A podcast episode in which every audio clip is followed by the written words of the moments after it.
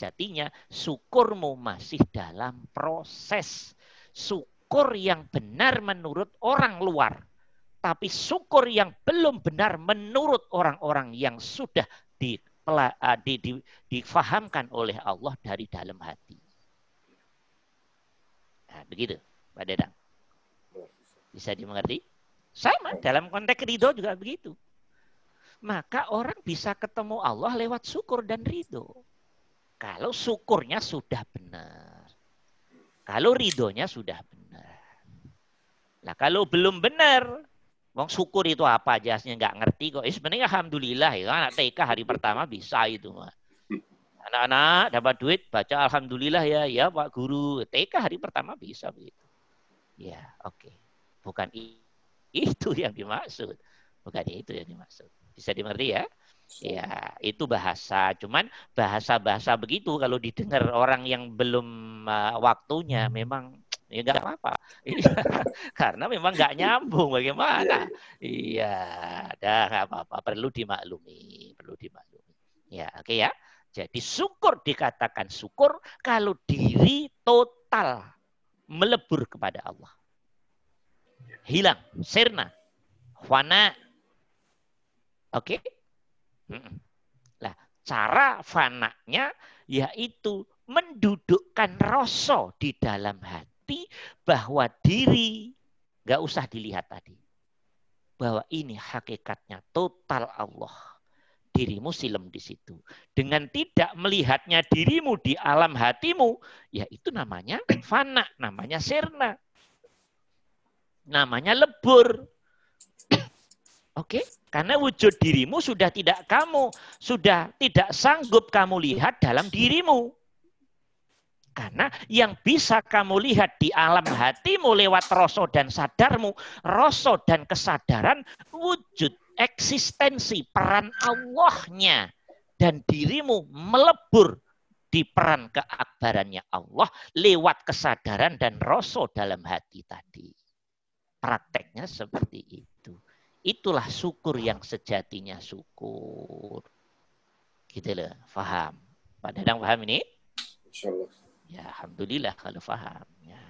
Ini kalau belum belum mohon maaf, kalau belum sampai Allah susah memahami kalimat ini. Susah, ya. Oke ya. Dah, tapi teman-teman saya yakin dah mulai mengerti. Hmm, iya, iya, iya, iya.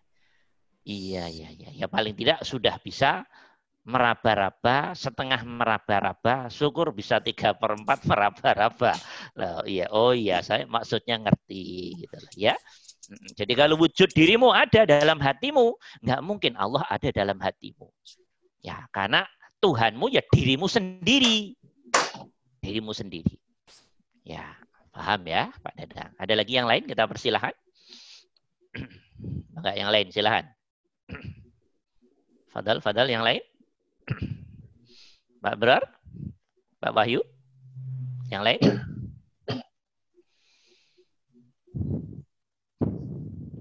Yang lain silahkan. Putri, Bu Asri, Mbak In, eh, siapa ini? Pak Radi, silahkan. Bu ini, Mas Randy. Dan yang lain-lain, kita persilahkan.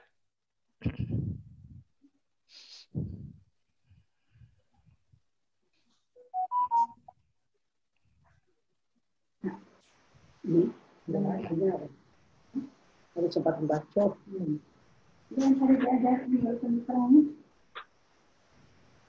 paham Pak Pak Pak Dadang tadi syukur paham ya prakteknya ya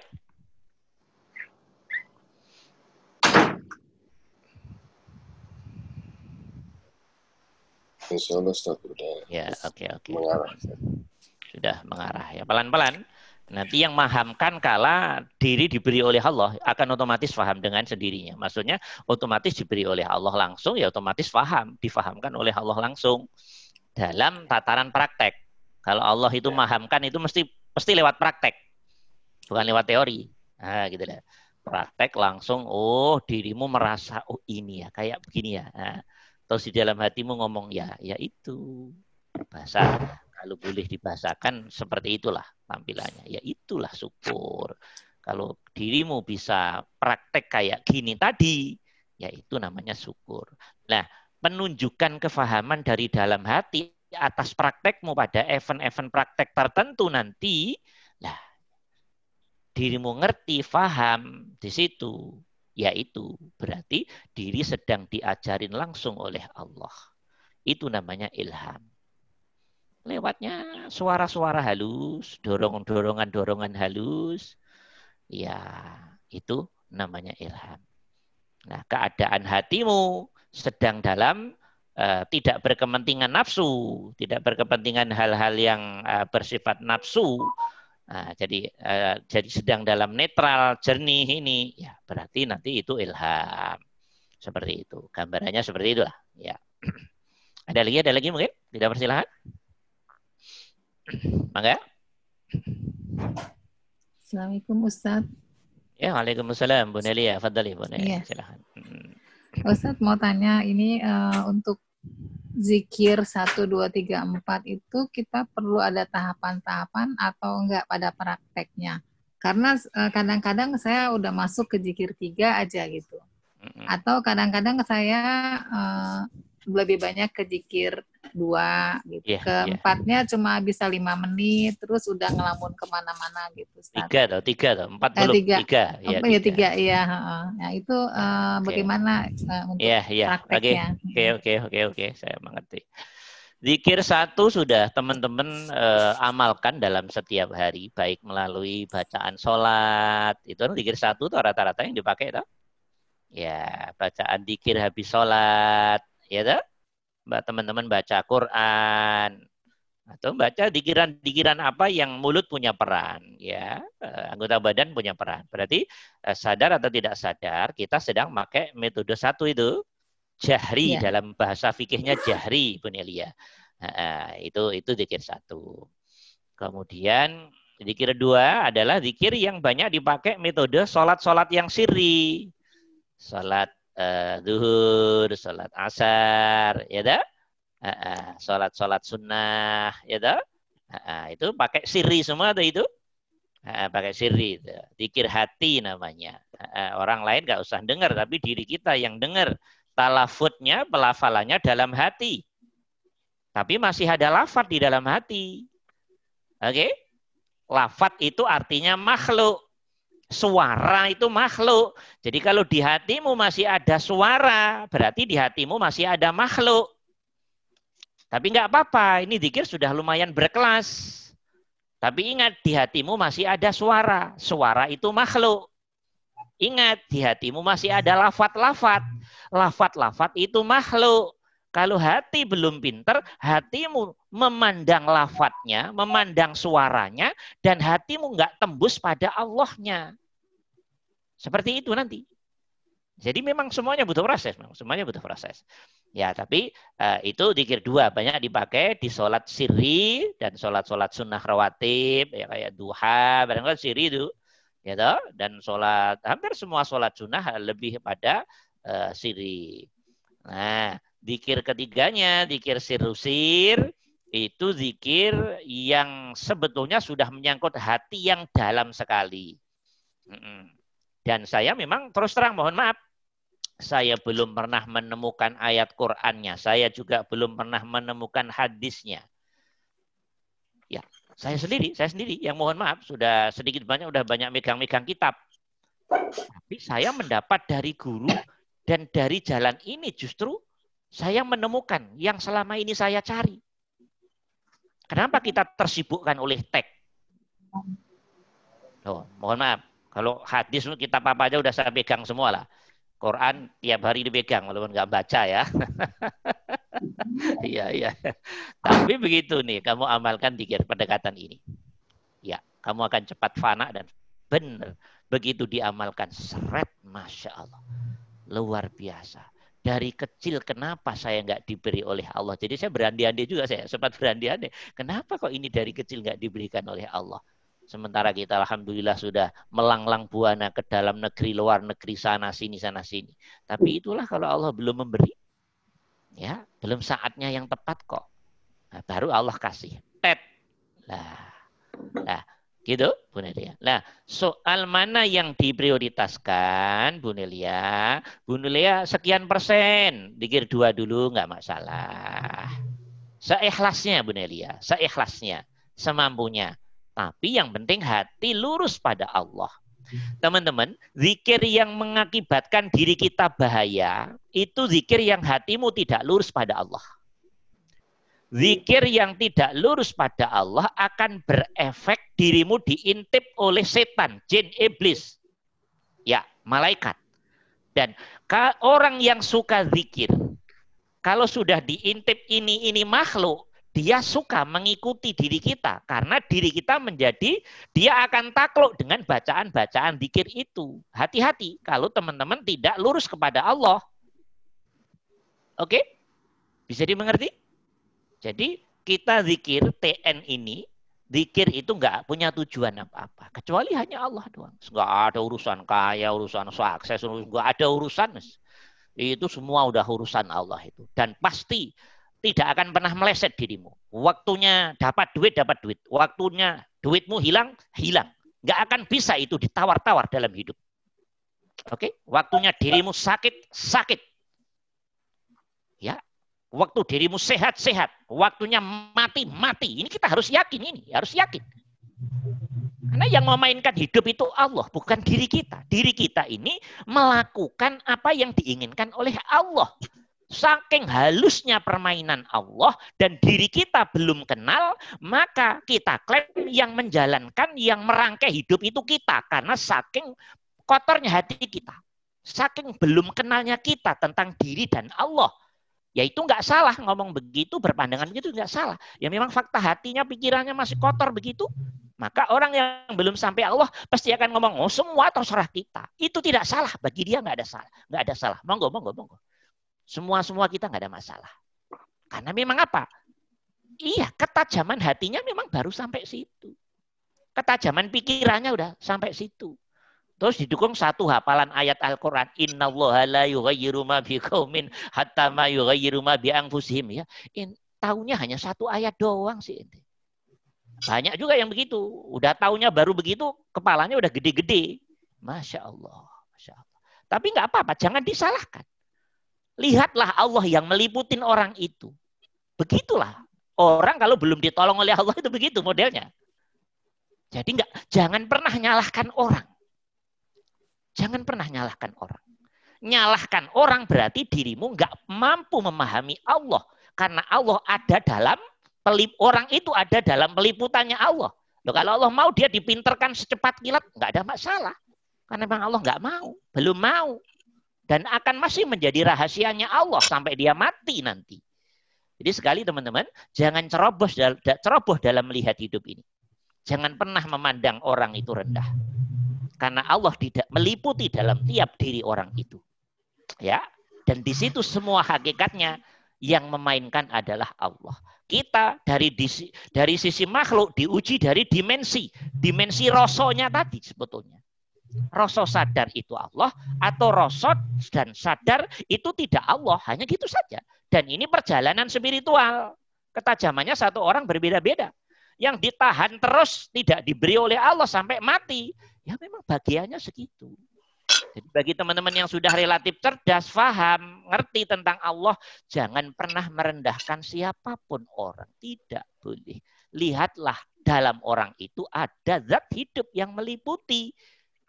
Yang meliputi orang tadi ya yang meliputi kita juga. Memang Allah mendosisnya beda-beda. Gitu loh. Kalau dirimu sudah paham Allah, tidak akan pernah meninggikan orang, juga tidak akan pernah merendahkan orang. Yang ada hatimu Allah aja deh, stabil deh. Ngerti ya? Karena ngerti bahwa ternyata semua buku kehidupan tidak ada satu titik pun ternyata perbuatan Allah itu sendiri. Nah, diri diuji dengan irama-irama yang eh, selalu ber, bertentangan ini, A plus dan minus ini. Ya, begitu ya Bu Nelia. Nah, kemudian Bu Nelia seharinya mamanya berapa? Zikir duanya. Terus eh, zikir tiganya tentunya di pas eh, zikir khususnya Bu Nelia. Ya, zikir khususnya ya zikir tiga berlatih berlatih uh, mendudukkan hati yang tenang. Hati itu punya karakter begini teman-teman. Hati anak manusia siapa pun perlu perlu perlu ini. Dia punya karakter tenang. Untuk menghadap Allah itu perlu karakter tenang. Umumnya begitu. Perlu tempat yang tenang sejuk. Ya itu karakter hati. Kalau tempatnya mendukung kondusif tenang sejuk. Kenapa Nabi lari ke ke ke gua? Ngerti nggak? Gua itu simbol apa sih? Gua simbol ketenangan Oke, simbol sejuk. Oke, nggak berisi ya toh. Kenapa Rasul lari ke gua ya? Itu alasannya. Kenapa Nabi Musa lari ke gunung, ke atas gunung? Ya itu alasannya. Kenapa Nabi Ibrahim uh, lari ke padang pasir? Ya itu sama alasannya. Nyari karakter hati. Hati itu karakternya suka yang yang enjoy, yang tenang. Oke. Okay? Oke, okay. nah di situ dengan dukungan keadaan lingkungan, hati lebih bisa menerima. Tinggal hudurnya ke Allah. Hudurnya ke Allah. Hudur ke Allah itu diri teman-teman diam aja deh, diam doang, diam. Tapi menyadari bahwa Allah itu zat hidup yang liputin dirimu. Liputi semua makhluk alam semesta. Dirimu diam. Ditahan aja diem. Nanti teman-teman dalam perjalanannya akan mengalami begini. Diemnya teman-teman nanti akan keroso di hati. Ada proses rosso yang menembus, ya menembus. Jadi rosso itu ada, kalau nggak berjalan, rosso itu ngambang di, di pikiran dan di hati ngambang. Ngambang. Ditarik sana sini oleh nafsu, begitu itu masih ngambang. Tapi kalau teman-teman sudah mulai dikasih hening, hati, rosso yang keadaan hati, diikuti pikiran dan sistem lahir batin yang bisa hening, tenang, tidak ke mana-mana tadi, di situ akan ada proses rasa yang nembus. Rasa yang nembus. Teman-teman nanti bisa merasakan itu. Rasa yang nembus lebih dalam, lebih dalam, lebih dalam. Nah, dalam proses nembusnya rasa lebih dalam, lebih dalam, lebih dalam itu, kalau Allah berkenan, jadi nunggu Allah juga. Kalau Allah nggak berkenan belum bisa. Oh, dirimu sampai jungkir balik nggak akan bisa kalau Allah belum memberi rahmat dan fadl pada uh, diri teman-teman. Ini nggak ada urusan dengan guru atau apa. Nggak ada urusan. Semata-mata fadlnya Allah, rahmatnya Allah. Nah, kalau rasa sudah semakin masuk dalam, dalam, dalam, pada titik tertentu dirinya teman-teman dihilangkan oleh Allah. Itu efek dikur sirul asro itu nanti seperti itu. Dihilangkan itu difanakan. Ketika diri hilang, fana. Loh, aku nggak tidur. Aku sadar. Tapi kok aku nggak ingat diriku, nggak ingat amalku, nggak ingat anak, istri, nama semua. Nah, kemudian hati menyimpulkan, loh berarti sejatinya aku ini nggak ada dong. Yang ada tinggal rasa dan kesadaran. Dan itu pun dikuasai rasa dan sadar Allah. Berarti baru hatimu nanti di situ bisa menyimpulkan sendiri. Gitu loh. Nanti begitu prosesnya, Bu Nelia. Nah, jadi dikir sirul asronya tetap harus dilakukan setiap malam, entah setengah jam, entah ini semampunya, semampunya. Latihan itu sesuai dengan kadarnya masing-masing. Tidak akan bahaya selama teman-teman hatinya hudur ke Allah. Yang bahaya itu teman-teman ngamalin ini, bisa ini, ngamalin ini, bisa ini. Itu yang bahaya. Karena setiap bacaan yang menyangkut Quran dengan jumlah sekian dan sekian itu akan bisa meng... jadi orang yang baik itu banyak makhluk sekitar kita yang mencintai kita. Mencintai akhirnya dia mohon maaf bahasa bahasa ininya itu pengen pengen ngikuti kita karena kita dipandang mereka orang yang Iya, bahasa sederhananya orang yang baik. Teman-teman tanpa sadar. Teman-teman sadar atau tidak sadar. Ada yang mengikuti dalam pengertian seneng. Ini orang yang yang yang dekat dengan Allah. Kalau boleh dibahasakan begitu.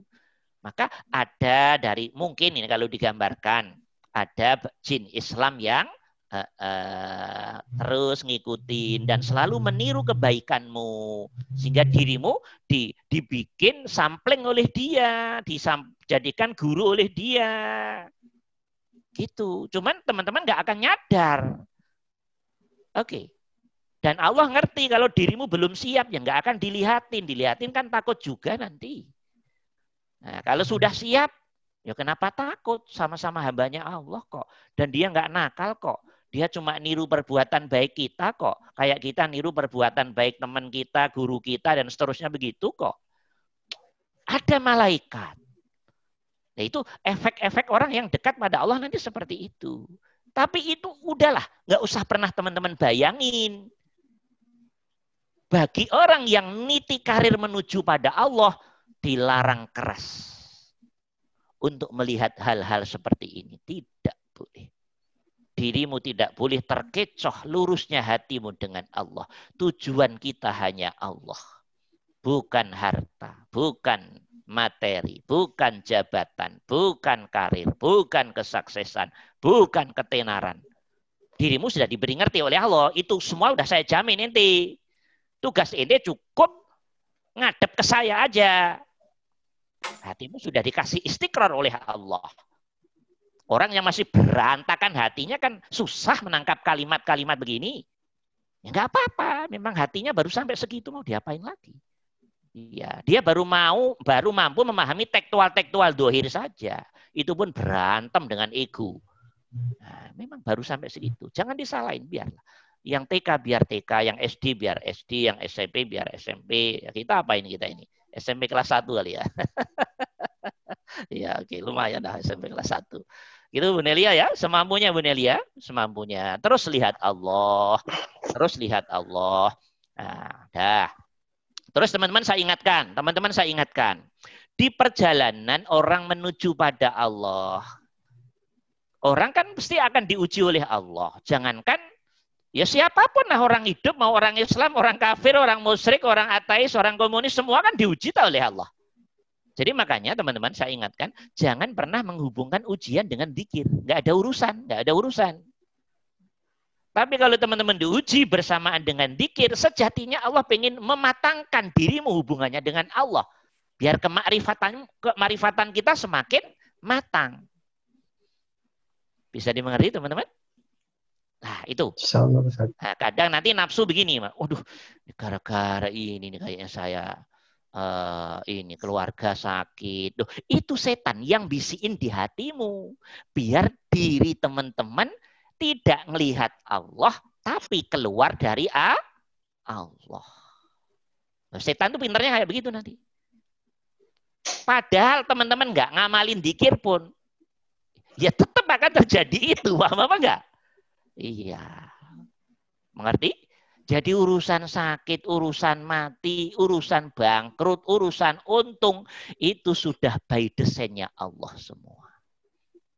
Oke? Okay? Antuk minabi kodarihi khairihi wa syarrihi. Itu udah bagian dari kodok takdirnya Allah. Nah, teman-teman harus cepat duduk yakin di sini. Kalau tidak hati ngambang terus nggak pernah ketemu Allah. Karena dirimu selalu memandang bahwa hidup itu yang desain dirimu dan Allah ngikutin dirimu. Berarti kebalik dong. Kalau gitu Allah nggak menjadi raja dong. Ya jadi raja dirimu karena dirimu yang yang eh, apa namanya eh, Allah yang ngikutin dirimu. Katanya Allah Malikul Muluk. Nah kalau kalau Allah raja di raja ya berarti yang ngatur semua kehidupan ini Allah diatur, ditata sebagai bahan ujian. Dirimu syukur apa tidak, ridho apa tidak. Itu saja hidup ini sebetulnya. Wes mau modelnya kayak apa pun, hanya dua soal. Syukur apa enggak, ridho apa enggak. Nah, kalau itu diri kita yang membuat, hidup ini kita buat sendiri.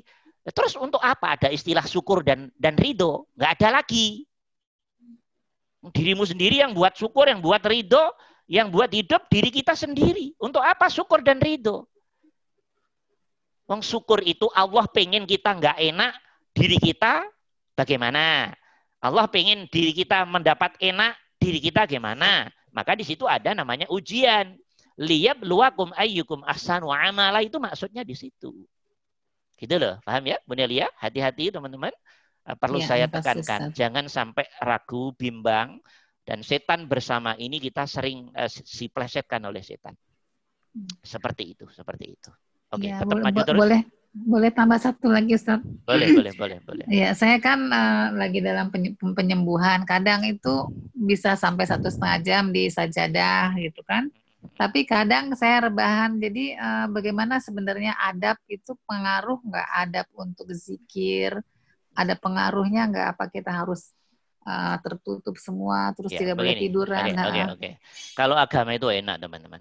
Nggak bisa berdiri duduk, nggak bisa duduk tiduran, gitu. Nggak bisa Hmm. tiduran gimana? ya, dah. Semampunya, itulah agama kita. Lagi pula sejatinya zikir itu kan yang zikir hakikatnya hati itu. Ya, hakikatnya hati. Nah, kalau badan kurang memungkinkan, bisanya tiduran, ya tiduran saja. Apa. Allah ngerti kok. Ya, ente lagi sakit, ente lemah, tiduran. Ya, Allah memang yang buat itu Allah. hmm. Cuman diri kita kadang dikira Allah nggak ngerti gitu ya. Kalau kita sakit itu, ya yang buat sakit itu Allah. Iya. Kalau dirimu, oh badan kurang enak ya Allah. Engkau sedang uji hamba. Engkau tahu kalau hamba sakit ini ini karena ini adalah uh, rencanamu, ketetapanmu. Nah, karena faktor kelemahan ini maka hamba. Nah itu hatimu kan ngomong begitu. Pahamnya hatimu bahwa itu perbuatan Allah. Nah berarti Bu Nelia sudah semakin ngerti Allah. Oke, bisa dimengerti nggak nih maksud saya ini? Ya, insya Ya, Allah. Ustaz. oke, dah. Jadi Allah dikira nggak ngerti gitu? Ya ngerti. ya Allah ngerti. Nanti kayak teman-teman yang baru belajar ini.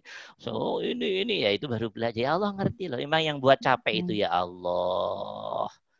Ya, Hmm. yang buat dirimu lemas itu ya Allah.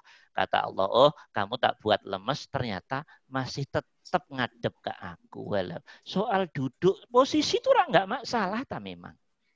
Hmm. Yang repot sehat nggak ngadep lah itu yang repot di situ. ya oke paham ya benar ya Iya, semampunya. makasih Ustaz. Ya, Oke, makasih oke, Ustaz. oke. Ya. Ya, oke oke. Terus maju terus Makasih, maju sampai mati harus terus maju. Jangan terkecoh oleh nafsu dengan alasan anak, istri, suami, harta. Oke, tahta, jabatan itu setan semua itu. Paham? Jadi mohon maaf, setan itu ganggunya kita biar nggak lurus ke Allah, paling-paling diarahkan ke anak, istri, suami, oke? Sehat, sakit, ya toh? Hmm. gagal, sukses. Ini semua kembang-kembangnya setan biar dirimu nggak mampu melihat Allah, biar goyah keyakinanmu tentang Allah, gitu loh. Kalau dirimu goyah hubungannya, keyakinannya dengan Allah, kata setan, yes, berhasil gue. Dirimu terus ragu tentang Allah. Sehingga ketauhidanmu mental terus. Karena Allahnya tidak tidak belum yakin-yakin, tidak yakin-yakin di hatimu. Jadi dirimu meragukan Allah. Kalau sakit itu perbuatan Allah pada dirimu. Kalau sehat itu perbuatan Allah pada dirimu. Kalau berhasil itu perbuatan Allah pada dirimu. Bangkrut perbuatan Allah pada dirimu. Wujud sehatnya anak perbuatan Allah pada dirimu. Sakit dan bahkan matinya anak itu nggak ada urusan dengan apa. Semua itu akan berjalan sesuai rencana Allah. Cuman setan memanfaatkan ini semua, gitu loh teman-teman.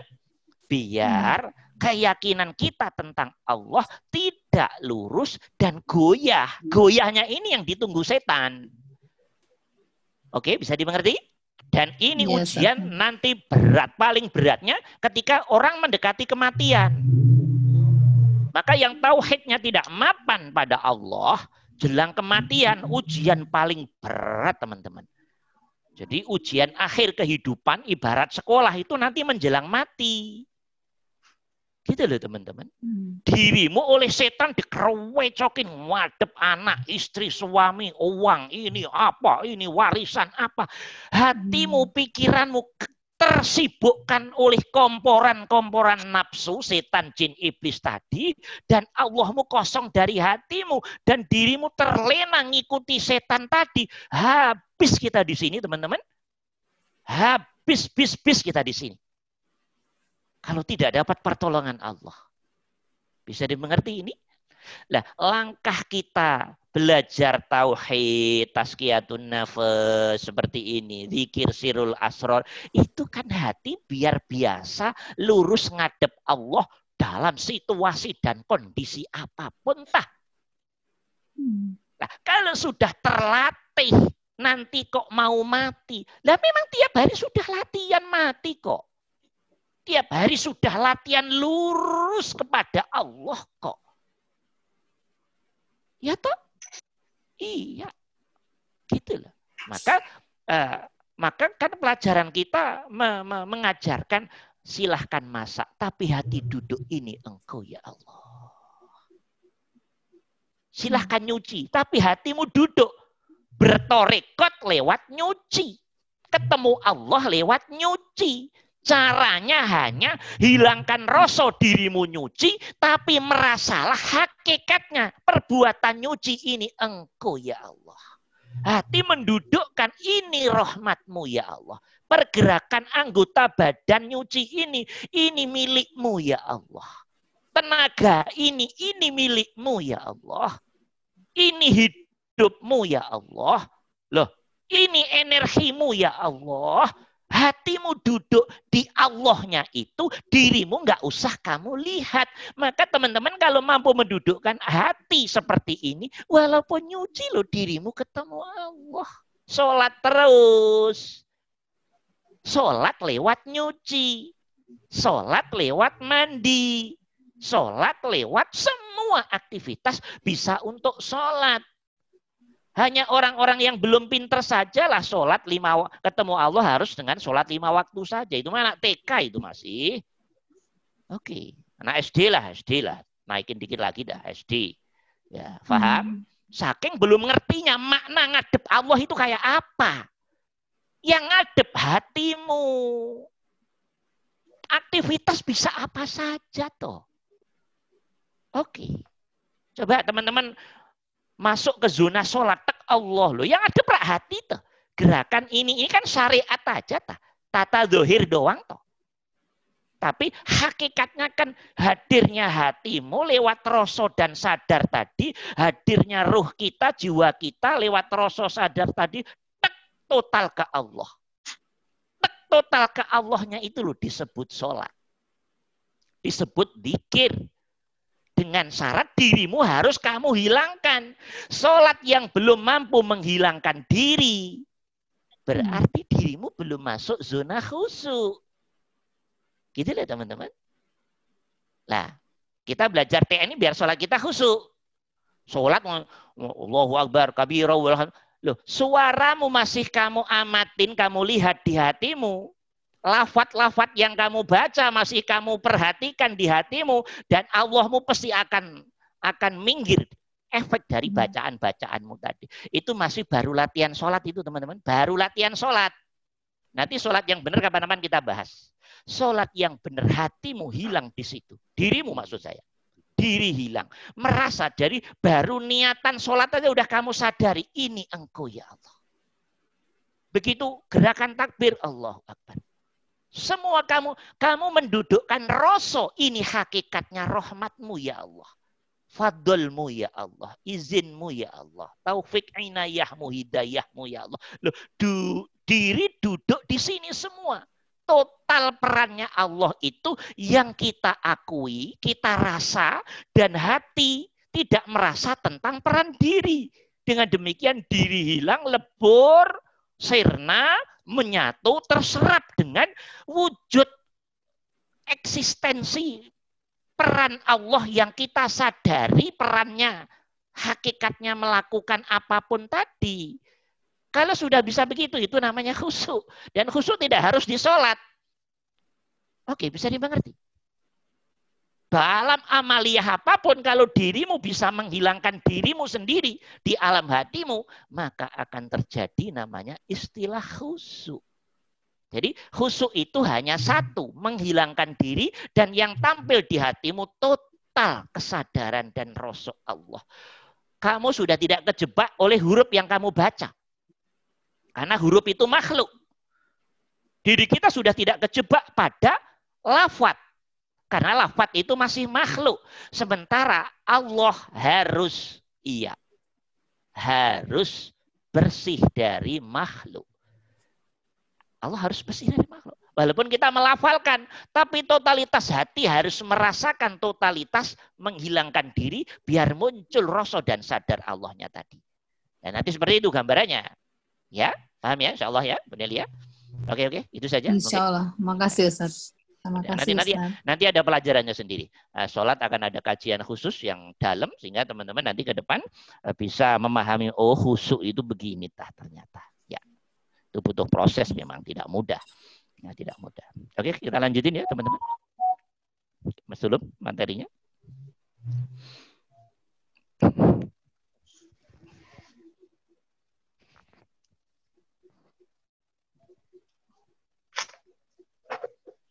hari ini kita akan mengkaji Al-Kahfi ini. Kita ingat saya ini belum dikaji di LPPI dan di, di, di Kahmi ini.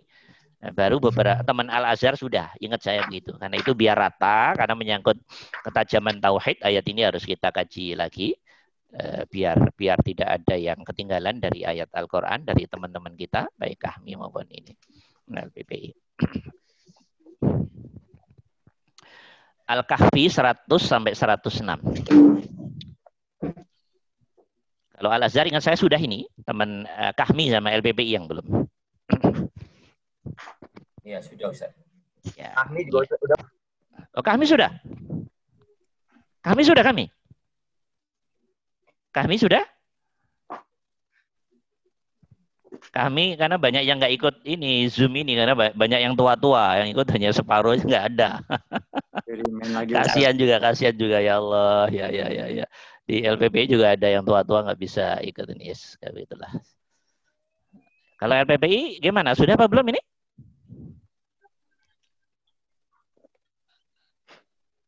Di remind lagi boleh Ustaz? Ya, boleh aja lah. Biar tauhidnya matang. Kita sepakat ya, kita oh, review ya, biar ini ya. Review aja, Ustaz. Ya. Bismillahirrahmanirrahim. A'udzu billahi minasyaitonir rajim. Ayat uh, surat Al-Kahfi ya, 100 106. Kita baca pelan-pelan yuk bareng-bareng. Wa aradna jahannama yawma idzil lil kafirina 'arda alladzina kanat a'yunuhum fi ghita'in 'an dzikri wa kanu la yastati'una sam'a. Ayat ini bikin keder orang teman-teman. Ayat ini bikin keder orang benar-benar. Cuma sayangnya banyak umat Islam yang mohon maaf nampaknya kurang faham ayat ini bikin keder bener ayat ini. Masya Allah.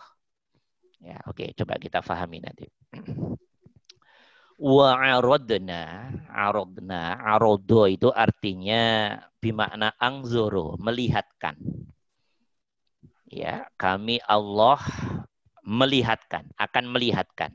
Sengaja pakai madi untuk menguatan dalam bahasa sastra Arab. Ya, kami Allah akan memperlihatkan jahannama, neraka jahanam. Yauma idin di hari nanti, ya tentunya di hari kiamat. Neraka jahanam yang beneran. Neraka jahanamnya dunia. Terbakarnya hatimu karena dirimu keluar dari Allah. Itu neraka jahanam namanya. Maka semua fakta hati di dunia yang tersiksa karena kezolimannya, karena kemaksiatannya, karena keluar dari Allah. Dikatakan dolim atau maksiat itu karena prinsipnya keluar dari Allah hatinya. Itulah sejatinya neraka dalam hatimu untuk konteks kehidupan dunia. Kami Allah akan memperlihatkan jahanam yauma idin di hari nanti ya lil kafirina pada orang-orang yang kafir. Ardon dengan memperlihatkan beneran. Ya, ini namanya maf'ul mutlak karena ardon masdarnya arodo, arodna. Jadi pesannya kata Allah, sungguh saya akan memperlihatkan neraka jahanam nanti di akhirat. Pada siapa? Pada orang-orang kafir. Nah, permasalahannya ini, siapa yang dimaksud kafir oleh Allah dalam ayat ini? Nah, karena kita banyak yang nggak paham nih, banyak nggak pahamnya di sini kita selama ini kita memahami kafir itu pokoknya yang enggak KTP KTP-nya enggak Islam. Terus nggak so nggak menjalankan rukun Islam yang lima, tidak mengimani rukun iman yang enam, itu pasti siapa pun teman-teman sebut kafir. Silahkan kalau teman-teman punya pemahaman begitu. Kalau itu kita sepakat lah, itu faham lah, nggak usah pinter-pinter itu juga bisa itu. Tapi ternyata Allah tidak begitu dalam ayat ini. Coba teman-teman nanti perhatikan dengan baik. Siapa orang yang disebut kafir oleh Allah? Jadi Allah akan kami Allah akan memperlihatkan neraka jahanam pada orang-orang yang kafir. Ya, sungguh nanti nanti nanti di akhirat tentunya. Nah, siapa orang yang disebut kafir oleh Allah? Coba Allah jawabannya begini, enak banget nih. Orang kafir yang saya maksud kata Allah. Dalam ayat ini loh ini teman-teman, kan ayat itu saling melengkapi toh. Alladzina kanat a'yunuhum fi ghita'in an dikri wa kanu la yastati'una sam'a. Nah, ini ini yang uh, kita udah uh, tahu semua lah isim mausul ini.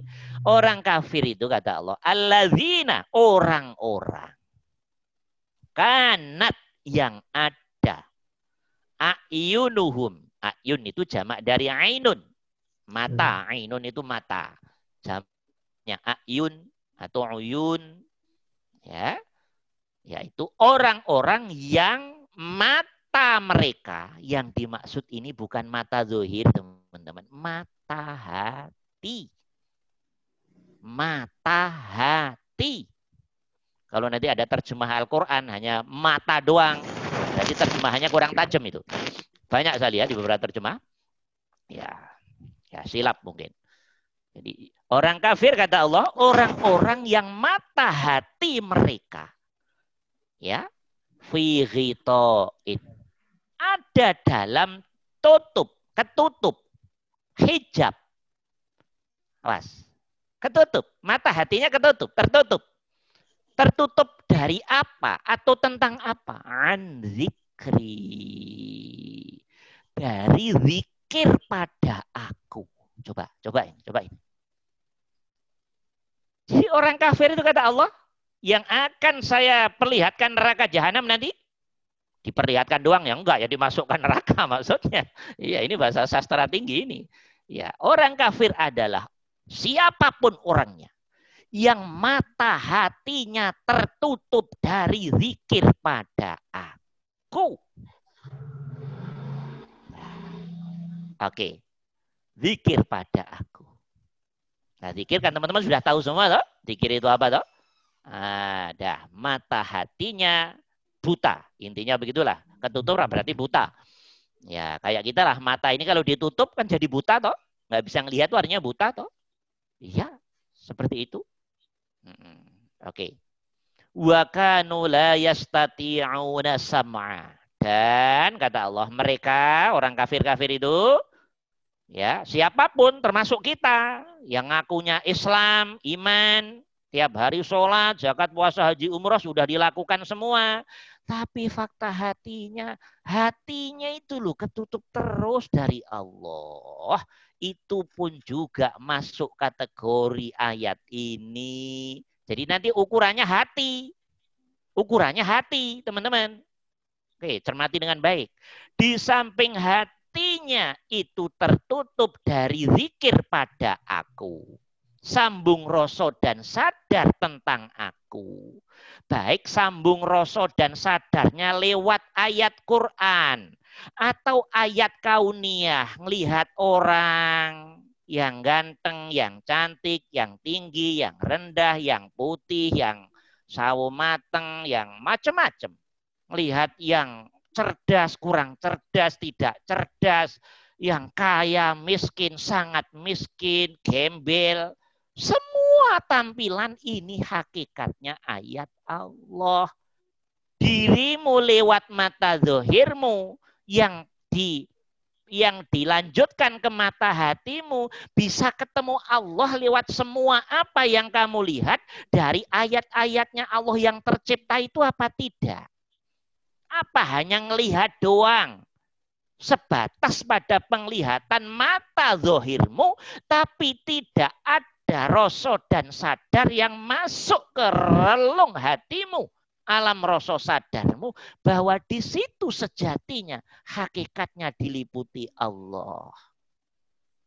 Orang kaya Bukan orang kayanya yang keren karena dia diliputi Allah. Allah yang pengen kaya pada orang itu. Orang miskin. Bukan orang itu yang pengen miskin, tapi Allah yang pengen orang itu miskin.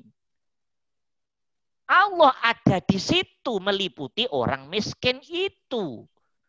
Orang cerdas, diri kita melihat orangnya, makhluknya, dimensi kemakhlukannya. Maka heran, kagum. Tapi sayang seribu sayang, hatimu tidak pernah sampai kepada zat hidup yang meliputi orang yang cerdas tadi. Jadi dirimu melihat makhluknya dan Allahnya kamu abaikan. Buta berarti mata hatinya. Melihat orang yang bodoh, bahkan idiot dirimu hanya menikmati keidiotannya, bahkan kadang mencacat, bahkan kadang jijik. Yang seharusnya dirimu melihat dan tembus sampai ya Allah, irodah dan kudrahmu pada orang ini ya Allah. Penglihatanmu menikmati ayatnya Allah dengan yang berupa keidiotan itu. Dirimu tidak melihat idiotnya, tapi tembus keagungan Allah, kebesaran Allah yang sudah menginginkan dan menetapkan dan menciptakan makhluk yang idiot ini ya Allah. Duh, hatimu nyambung ke situ. Tidak makhluk idiotnya, tapi zat hidup yang menginginkan tampilan dia seperti itu yang kamu tangkap lewat rasa dan sadarmu. Lanjutkan sendiri deh, lanjutkan sendiri deh semua tampilan alam semesta itu ah, jadi alam semesta itu fakta ayat Allah. Ayat yang tercipta. Dirimu yakin enggak dengan ayat yang tercipta ini? Yakin dan tembus di situ ada peran Allah. Yakin apa enggak dirimu? Kalau hati enggak yakin, diri enggak yakin, diri dan hati, jiwa dan ruh enggak menyadari itu peran Allah. Di situ keinginan Allah. Di situ ada kekuasaan Allah. Di situ ada apa namanya ketetapan Allah yang berarti semua tampilan makhluk kalau begitu sifatnya Allah dong yang berarti semua pergerakan makhluk dengan fungsi dan manfaatnya, bahayanya, berarti di situ af'alullah dong. Karena makhluk hakikatnya tidak ada keinginan. Dan yang ingin adalah zat yang meliputi makhluk itu. Dirimu sudah masuk ke rasa sadar ini apa belum? Kalau diri belum masuk ke rasa sadar pada zat hidup yang meliputi semua makhluk tanpa kecuali termasuk dirimu sendiri. Maka teman-teman bisa dipastikan diri kita masuk kategori alladzina kanat a'yunuhum fi khito'in an dikri. Termasuk dikafir-kafirkan oleh Allah. Saat hati tidak ada rasa dan sadar. Maka kalau dikumulasikan 24 jam, hatimu ketika mengaji alam ini, jadi melihat alam itu artinya mengaji lewat kehidupan, lewat alam. Kitabnya Allah yang tercipta, yang bisa dinikmati, dirasakan, di, dilihat, didengarkan. Kalau Quran ayat yang sifatnya harus dibaca kalamullah. Tidak ada bedanya teman-teman antara Al-Quran dengan ayat yang tercipta. Alam semesta ini, angin, panas, dan semuanya, dan semuanya. Tinggal masalahnya hatimu faham apa tidak. Hatimu sadar apa tidak. Hatimu tertutup apa tidak. Hatimu buta apa tidak. Hatimu ada rito andikri apa tidak. Kalau hati belum ada rasa sadar ini, maka ketika belum atau tidak ada rasa, kita saat itu oleh Allah dikafir-kafirin. Alladzina kanat a'yunuhum fi khita'in an Dikafir-kafirin oleh Allah. Walaupun kita sudah Islam, sudah iman. Islam, iman, tapi sehari semalam hati itu lah sampainya ke Allah hanya satu jam. Berarti yang dua tiga jam kita kafir. Oke? Berat itu masih berat itu. Masih berat itu. Ya, oh gitu Ustaz. Iya, Allah sendiri yang ngomong masa ragu tuh ya. Ya dah. Udah sehari semalam nyambung ke Allah 10 jam. Oh, Alhamdulillah. Berarti kafirnya nah, berapa kalau 10 jam? 14 jam. Nah, lumayan, lumayan, lumayan.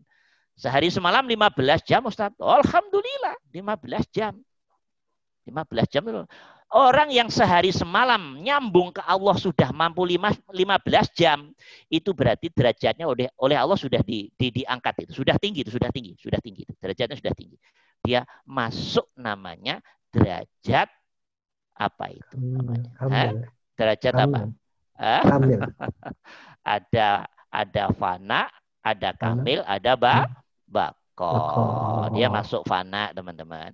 Sehari hmm. semalam zikirnya 15 jaman. Itu baru ya teman-teman didudukkan oleh Allah tingkat menengah. Golongan tingkat ya kalau nilai-nilai nilai inilah nilai nilai 7,7 lah lumayan lumayan. Oh, itu udah lumayan itu. Udah lumayan itu. Ya, oke. Okay? Sehari semalam oleh Allah didudukkan, ingat Allah, zikir pada Allah 18 jam, 20 jam. Oh, teman-teman berarti didudukkan oleh Allah sudah masuk zona namanya kamil. Ya, ya. fana ul kamil. Wah ini ini sudah sudah ini sudah kelasnya sudah sudah masya Allah ini. Teman-teman kalau ketemu orang begini harus banyak berguru pada orang gitu. Sering minta nasihat, sering minta arahan, sering tapi nggak ngerti kan. Nah, susah untuk mengetahui orang ini urusan hati. Ya, pasti omongannya omongan yang nyes itu, pasti itu. Ya, omongan yang nyes dan pasti ngomongnya Allah aja, nggak pernah ngomong macam-macam. Ya, macam-macam lo apa, nggak penting gitu. Bagi dia hakikatnya begitu. Ya, dah. Nah, yang kelas paling tinggi nah sudah masuk ke zona 24 jam bersama Allah. Itu namanya makom bako. Ini zikirnya udah sudah zikir sirul asrolnya sudah berhasil total ini. Oh ini udah pilihan-pilihan, orang-orang ini udah udah uh, udah apa namanya uh, udah pilihan-pilihan ini. Ini udah masuk uh, para kekasih Allah. Dan susah dilihat orang-orang begini susah dilihat teman-teman. Susah dilihat. Namanya orang sama aja, tapi hatinya dia sudah nyambung terus ke Allah. Nyambung terus ke Allah. Nah itu namanya makom bako. Jadi matanya ngelihat apa pun itu tandis ke Allah, tembus ke Allah. Oke? Ini makom-makom seperti itu. Nah, teman-teman kan kita pingin masuk zona ini deh. Fana, iya. Kamil, Bako. Iya dong, harus pingin dong. Masa nggak pingin? Harus dong. Mudah-mudian oleh Allah di, uh, di, di diangkat derajatnya sampai uh, Fana, Kamil, Bako. Ya, paling tidak Kamil lah. Ya, cita-citanya yang tinggi lah. Yang Bako. Caranya gimana Ustadz? Laki-laki kembali ke step awal. Ilmu amal istiqomah. Teman-teman nggak menguasai tiga ini sampai mati nggak akan bisa. Walaupun menguasai kitab fikih 100 kitab dikuasai deh jadi profesor. Ini nggak ada urusan dengan fikih ini. Nggak ada urusan dengan fikih ini. Ini ilmu hati. Ilmu hati. Pinter fikih tambah sombong. Suka berantem. Suka bid'ain orang. Gitu? Ngerasa benar sendiri. Modelnya fikih itu begitu. Nah, itu fikih yang masih salah salah ini nih, salah tata letak di hati itu. Ya, ya begitu. Kalau udah masuk ilmu hati udah nggak begitu-gituan. Nah, oke okay ya. Nah, itu seperti itu. Yang berikutnya, teman-teman, wa kanu la yastati'una sam'a kata Allah. Ya, mereka orang-orang tadi di samping hatinya buta, nggak mampu melihat Allah lewat apa yang dilihat. Ya, maka orang-orang eh, teman-teman orang yang sudah eh, kenal Allah melihat apa aja nggak ada yang jijik. Karena ngerti di situ ada Allah. Masa Allah dijijikin sih? Gimana tuh ya? Iya, dia menikmati. Ya Allah, iya, Engkau meliputi di situ ya Allah. Engkau meliputi ya Allah. Oke, mungkin melihat mungkin loh ini melihat hantu yang nyeremin. Tapi hatinya lebih melihat dan hidup yang liputin hantu tadi. Ya, ya Allah. Ya Allah. Tampilan dohirnya hantu ya Allah. Setan ya Allah. Jin ya Allah. Tapi kan dalamnya yang meliputi kan engkau ya Allah. Loh, jadi hatinya sudah tidak terkecoh oleh tampilan dohir. Nah, cuman hati yang belum kenal Allah kacau sudah. Iya, Kacau. Allah pengen mengenalkan dirinya lewat jalan hewan, lewat jalan tumbuhan, lewat jalan jin, setan, iblis, lewat jalan malaikat. Tambah terkecoh makhluknya, Allahnya hilang. Lah itu maka namanya hati yang begitu, hati yang buta. Baru dilihatkan malaikat, uh malaikat ini, ini. Allahnya nggak ada. Berarti dirimu nggak lulus ujian dari Allah dirimu ketipu makhluk yang namanya malaikat. Setan, jin, iblis, nur. Begitu zikir, wah lihat nur putih. Bari di depannya. Wah terus dirimu kagum. Wah, Zikir saya mulai keren ini. Ditipu teman-teman. Teman-teman ditipu oleh nafsu. Jangan terkecoh lihatlah Allah zat hidup yang liputin nur ini tadi. Nah, sekali lagi, jangan pernah terkecoh oleh tampilan apa pun. Lihatlah zat hidup yang liputin setannya, jinnya, iblisnya, malaikatnya, dan apa pun dia. Orang yang tahu khidmah sudah nggak bisa diganggu gugat tentang Allahnya. Bisa dimengerti ini? Bisa dimengerti maksud saya? Hati-hati loh ya, hati-hati loh. Oke. Loh, tahu-tahu kok teman-teman, mohon maaf nih, diberi apa? Mestinya kena api, kulitmu kebakar. Loh, ini kok enggak? Tahu-tahu ini, tahu-tahu. Terus teman-teman mengagumi dirinya. Oh ini efek dari sirul asroh. Dirimu kepleset teman-teman. Dirimu mengagumi amal dirimu sendiri. Berarti dirimu gagal. Kata Allah, ya Allah, kamu baru saya gitu sudah terkecoh melihat aku. Oke, tapi yang lulus ada api seret nyentuh kulitnya. Mukanya bahkan, loh kok tidak apa-apa. Tek hati langsung Allah. Af'almu ya Allah. Af'almu ya Allah. Ini engkau ya Allah.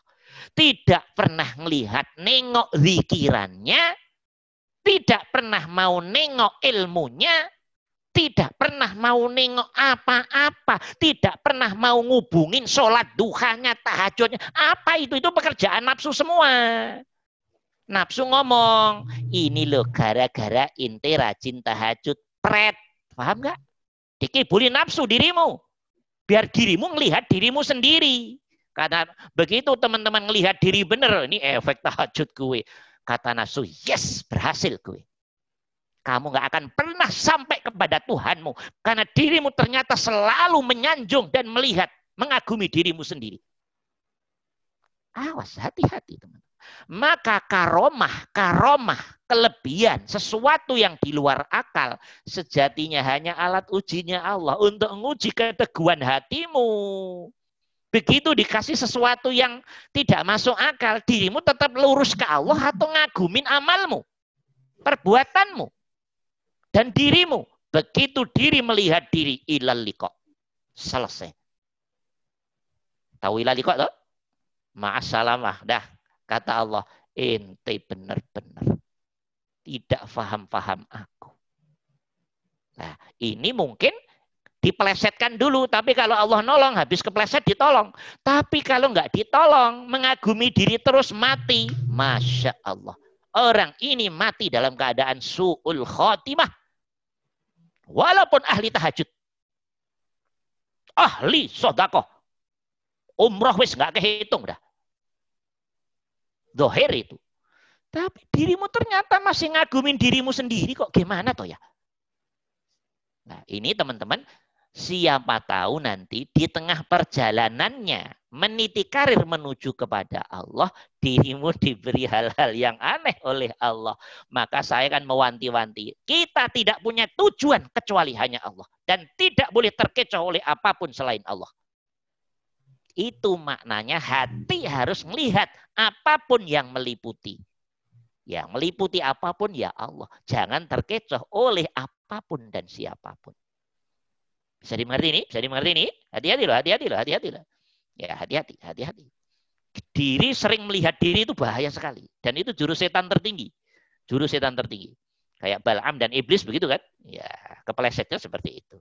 Hati-hati teman-teman. Nah, Dah, kembangkan sendiri. Kemudian wakanula yastati'una sam'a kata Allah. Mereka juga telinganya tuli, telinganya tuli. Telinga hati bukan telinga ini. Kalau telinga dohir dengerin geledek, ya denger geledek.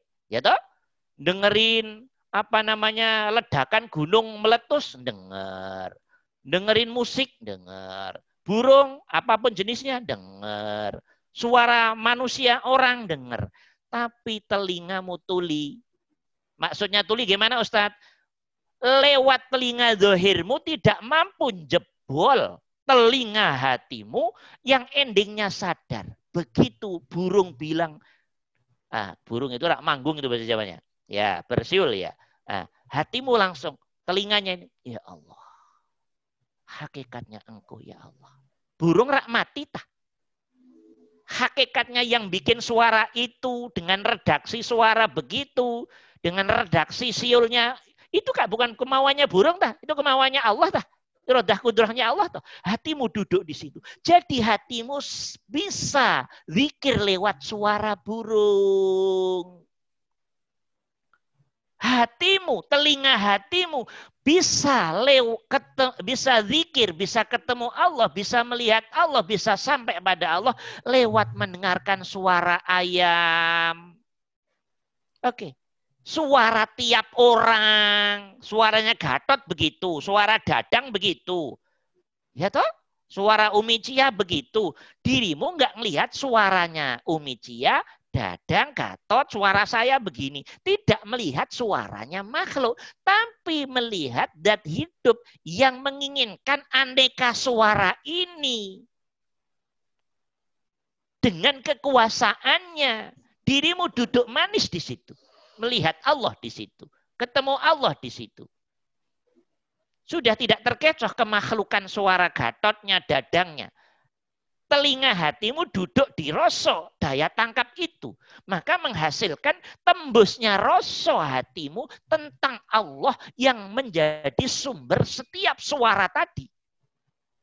Berarti zikir lewat suara apa pun Suara tikus zikir.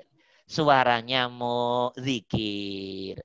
Suara apalah. Semua kan di dalamnya diliputi Allah tah. Suara macan dik ya Allah. Jadi bukan macannya, nyamuknya, kecoaknya, tikusnya, kucingnya, anjingnya, tapi hatimu, mata hatimu, telinga hatimu sudah pinter melihat dan hidup yang meliputi anjing, kucing, macan. Lah, begitu anjing guk, hatimu sudah langsung Allah. Tek, nyambung ke Allah. Ini orang ahli orang ahli fikih nggak mampu begini. Belajarnya nggak pernah begini fikih itu. Begitu ketemu anjing ya benci. Masya Allah. Kata-kata Allah. Oh jadi kamu ada ada makhluk yang kamu sukai, ada makhluk yang kamu benci. Kenapa kamu benci? Padahal di dalamnya juga saya liputi. Kalau Allah nanti nanya begitu bagaimana? Nah, terus anjingnya ngomong, ah ente nggak pinter-pinter ente. Bodoh ternyata ente. Ente memang ahli fikih tapi ente bodoh. Nggak ngerti bahwa aku anjing punya suara begini kan bukan kepinginan gue tah. Ini kepinginan Tuhanku tah gaya saya begini, makani suka makan bangke, itu juga bukan kepinginan, kepinginan saya tah. Itu irodah dan kudrah Tuhan gue dong. Bos gue dong. Dan saya siap menjalankan irodah dan kudrah bos bos gue tadi kok. Lu berarti dengan ulama fikih dengan anjingnya pintar anjingnya berarti. Hubungannya dengan Allah. Cuman karena dia melihatnya secara tampilan akal, merasa lebih keren daripada anjing. Ternyata anjing lebih bisa bertasbih daripada sang ahli fikih ini tadi kok. Loh, Ustaz kok bela anjing? Loh, nggak ada yang dibela. Ini hanya sampling. Selama ini kan teman-teman pilih-pilih membaca ayatnya Allah. Kalau kucing dimuliakan, kalau anjing terus kemudian dianaktirikan. Kenapa bisa begitu? Berarti dirimu nggak paham Allah, nggak ngerti Allah. Apa bedanya anjing dengan kucing? Hanya secara hukum fikih doang. Allah ngajarin kalau anjing begini, ini begini. Itu hukum fikih tak.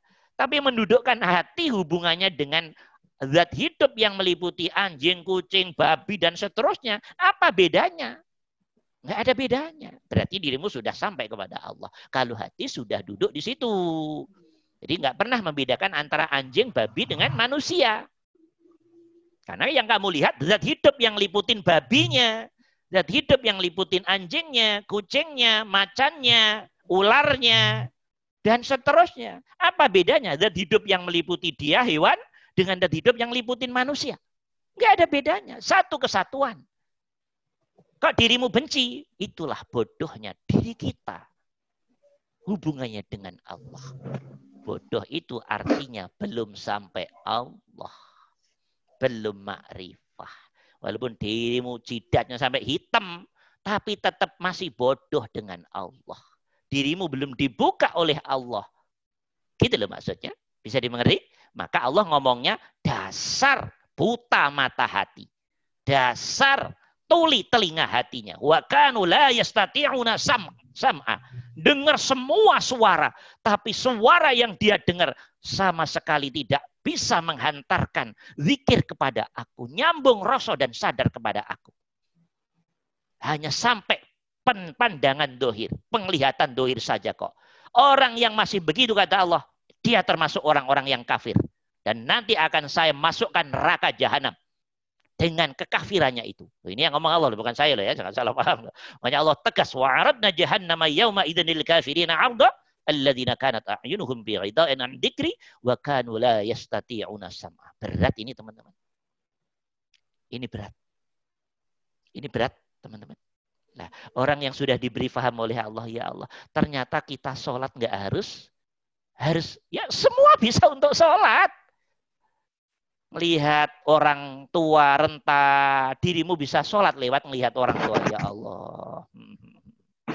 Melihat orang lumpuh, dirimu bisa sholat lewat melihat orang lumpuh. Melihat orang setruk, bisa sholat lewat orang yang setruk. Melihat orang yang kena corona, dirimu bisa ketemu Allah lewat corona tadi. Semuanya, semuanya. Dirimu bisa sampai Allah. Karena di situ diliputin Allah. Dah, paham ya ini? Paham ya? Ya, dah. Nah, kemudian nah ini ini berat ini, ayat ini berat ini. Teman-teman, saya hanya memberi rambu-rambu begini. Kita semua tidak akan mungkin terbuka mata hatinya, melihat apa pun menjadi zikir. Kita nggak akan mungkin terbuka telinga hati kita, telinga roh kita, telinga jiwa kita.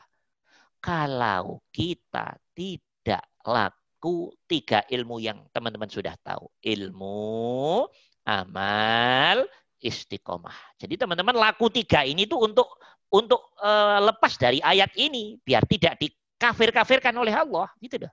Sejatinya begitu. Faham, teman-teman? Dan teman-teman sudah bisa merasakan sendiri lah. Pelan-pelan step-step udah ngerti. Oh iya iya.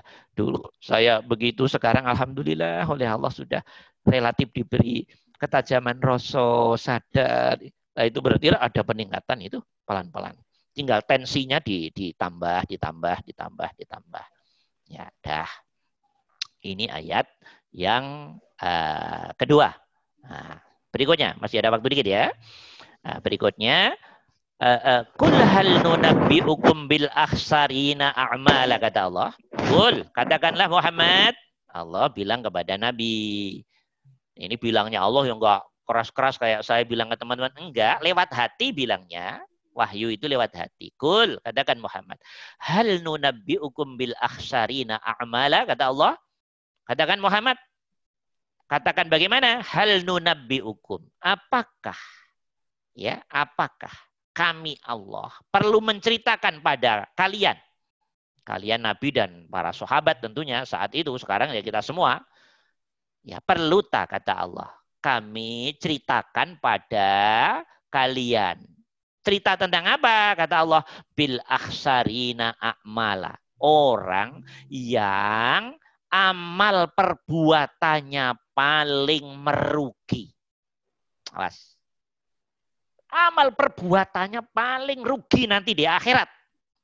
Mau tak? Inti tak ceritain kata Allah. Nah, Dijawab oleh Allah. Ya pasti mau lah, pasti mau. Orang yang paling rugi nanti amalnya di akhirat, kata Allah siapa? Dijawab oleh Allah. alladzina dhalla sa'yuhum fil hayatid dunya wa hum yahsabuna annahum yuhsinuna sun'a. Ini dijawab dengan tegas oleh Allah. Siapa dia yang paling merugi nanti di akhirat? Alladzina, orang-orang. Dolla, dolla itu artinya sia-sia. Oke. Hangus. Sia-sia, tahu sia-sia ya? Hangus.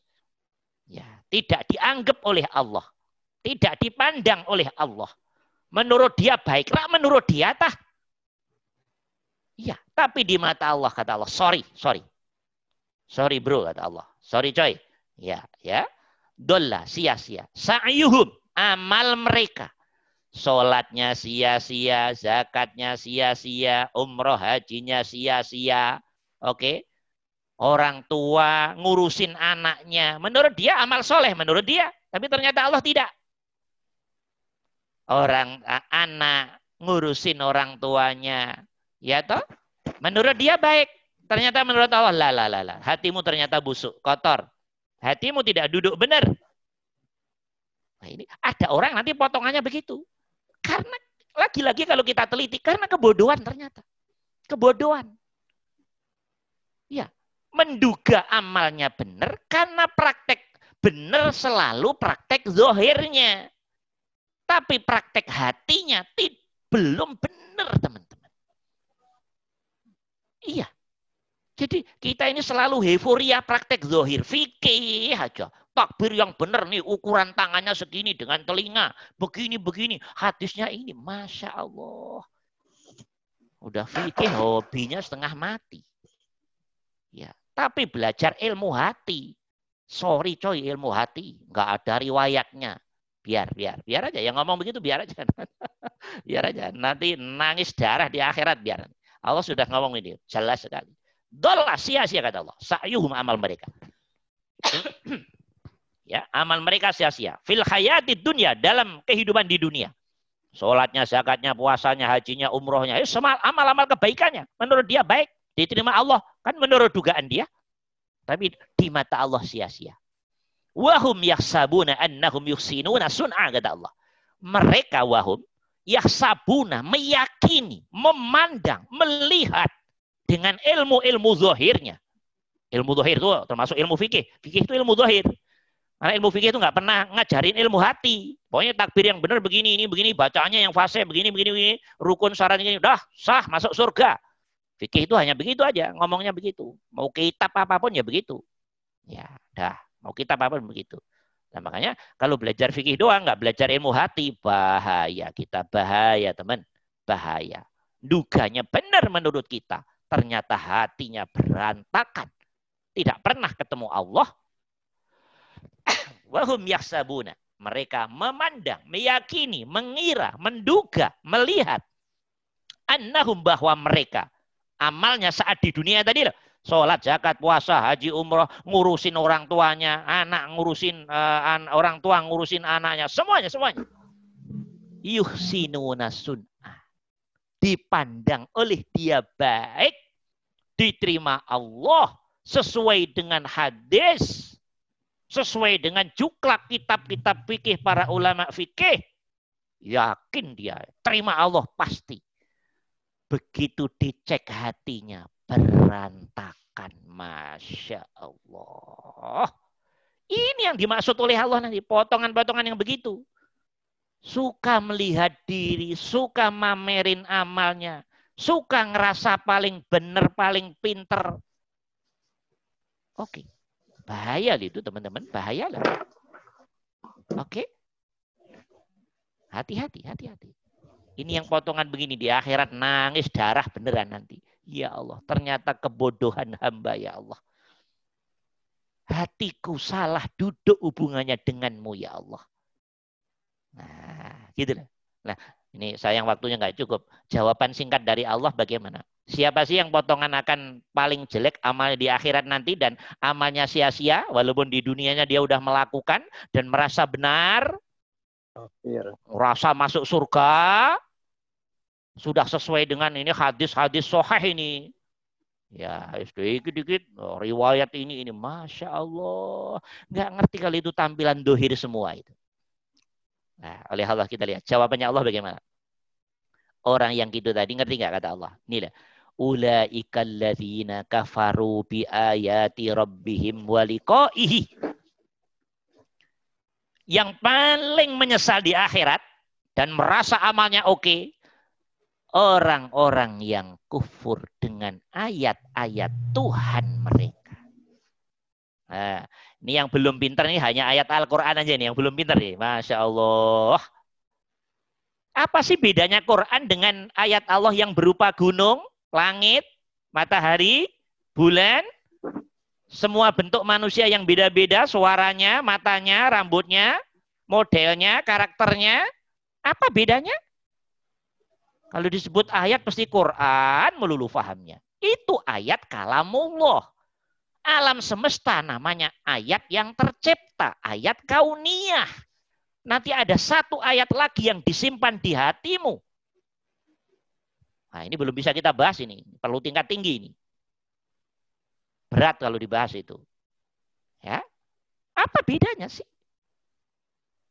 Ayo matahari, bulan, bintang, planet, angin, air, dan semua hal yang ada di alam semesta, yang kan di situ ada Allah semua, teman-teman. Semua tampilan itu kan maunya Allah yang begitu. Orang cantik sejatinya nggak pernah pengen cantik toh. Tapi lahir-lahir cantik. Apa artinya? Yang pengen cantik ya Allah. Yang buat cantik ya Allah. Loh, Semuanya. Jadi semua tampilan alam semesta itu makhluk nggak pernah punya keinginan. Oke. Mangga arum manis nggak pernah punya keinginan manis nggak. Tapi Allah yang pingin manis. Tampilan pohonnya begitu, daunnya begitu, hukum-hukum yang diberikan pada pohon arum manis begitu, rasanya begitu. Itu semua yang punya keinginan Allah. Itu semua yang punya keinginan, kekuasaan Allah. Dirimu harus duduk pada Allahnya. Jangan fahamnya ayat Allah itu Quran melulu. Ya Allah, masih lugu banget ini orang. Dirimu sendiri penuh dengan ayat Allah. Suaramu, matamu, telingamu, hidungmu, rambutmu, semua sistem tubuh di situ semua adalah peran Allah, teman-teman. Keinginan Allah. Kudrohnya Allah. Yang berarti semua tampilan berarti sifatnya Allah dong Ustadz. Yes, berarti dirimu sudah paham kalau gitu. Diri harus duduk. Dirimu jangan melihat makhluknya, tapi duduk ini engkau ya Allah ngerosonya hatimu, sadarnya hatimu, nyambungnya hatimu, tembusnya hatimu tentang Allah dengan melihat ayat yang tercipta, ayat kauniyah ini. Berarti dirimu sudah tidak kafir dengan ayatnya Allah yang berupa ciptaannya. Ternyata dirimu sudah mampu ketemu Allah lewat ayat yang terciptanya melihat anjing, tek, ya Allah. Engkau ya Allah. Oke? Okay? Hati sudah tembus. Lihat babi, ya Allah. Engkau ya Allah. Bentuknya babi. Karakternya. Teman-teman amati, masukkan ke hati. Itu engkau ya Allah. Maksudnya itu yang pengen seperti itu irodahnya Allah kudrohnya Allah. Berarti ya babi, anjing, dan semua tampilan alam semesta berarti ayatnya Allah dong. Tanda kebesaran Allah dong. Tanda kesempurnaan Allah dong. Tanda keagungan Allah dong. Tanpa alam ini dirimu nggak akan pernah sampai kepada Allah. Paham apa tidak? Bagaimana caranya dirimu ketemu Allah kalau tidak ada sifat yang ada di alam ini? Ayo, saya tanya ini. Bagaimana dirimu bisa ngerti Allah, faham Allah, sampai ke Allah, melihat Allah, suhud, usul, ihsan, makrifah. Kalau umpama alam ini nggak ada, gimana caranya? Wong ada sifatnya yang ada dalam dirinya, yang ada di sekitar dirinya, yang tiap hari dia lihat, dia rasakan, dia pegang-pegang, dia dengar aja, hatinya tetap buta kok. Telinga hatinya tetap tuli kok. Lesan hatinya tetap bisu kok. Buktinya hanya melihat tampilan dohir makhluknya dan tidak tembus tandes keroso dan kesadaran Allahnya. Itu tanda berarti diri kita akan dikafir-kafirin oleh Allah. Berarti kata Allah, kenapa kamu mengingkari ayat aku berupa anjing, berupa kucing, berupa semua hewan, berupa semua tumbuhan, berupa semua makhluk. Bukankah di situ wujud karena keinginanku, kodroh irodahku. Kenapa dirimu nggak mampu memahami aku? Kenapa dirimu nggak mampu melihat aku, kata Allah. Tidak fahamnya dirimu, tidak mengakuinya dirimu, tidak mengertinya dirimu tentang sifat dan afalku dari alam ini berarti rak dirimu. Iya, tidak mengimani aku berperan di situ. Enggak mengimani aku ada di situ berarti kafir. Ahli makrifah oleh Allah udah dibocorin sampai ke sini teman-teman. Sementara ustadz yang masih lugu-lugu ayat Allah Al-Quran. Quran doang begitu ayat Allah. Masya Allah. Itu anak TK aja paham kalau itu. Bukan sebatas itu teman-teman. Kenapa dirimu nggak mampu memahami dirimu sendiri di situ Allah? Dirimu ngatur pipismu aja nggak bisa kok. Kalau ngatur pipisnya aja nggak bisa, berarti pipis kita ada yang ngatur. Itu bukan kuasa kita, tapi ada yang berkuasa pada diri kita. Itulah dia zat hidup yang liputin diri. Itulah al-hayyu al-qayyum. Itulah dia Tuhan kita yang tidak pernah kamu kenali dengan baik. Karena ngertinya hanya duit, duit, duit. Sementara Allah di dalam dirimu sendiri yang liputin dirimu. Sementara Allah yang meliputi semua manusia, semua hewan, semua tumbuhan, angin, air, panas, matahari, bulan, bintang, dan tidak ada yang terkecuali. Semua diliputin Allah. Kenapa hatimu nggak kenal-kenal di situ? nggak kenalnya hati tentang Allah lewat ayat-ayat Allah yang zohir ini gamblang terang benerang ini maka nanti kita akan dikafir-kafirkan oleh Allah ini nih hati-hati nih teman-teman hati-hati hati-hati Allah ngomongnya tegas sekali ini dikafir-kafirin oleh Allah nanti Masya Allah. Nah, sementara kalau hati masih lalai, banyak nggak sadarnya.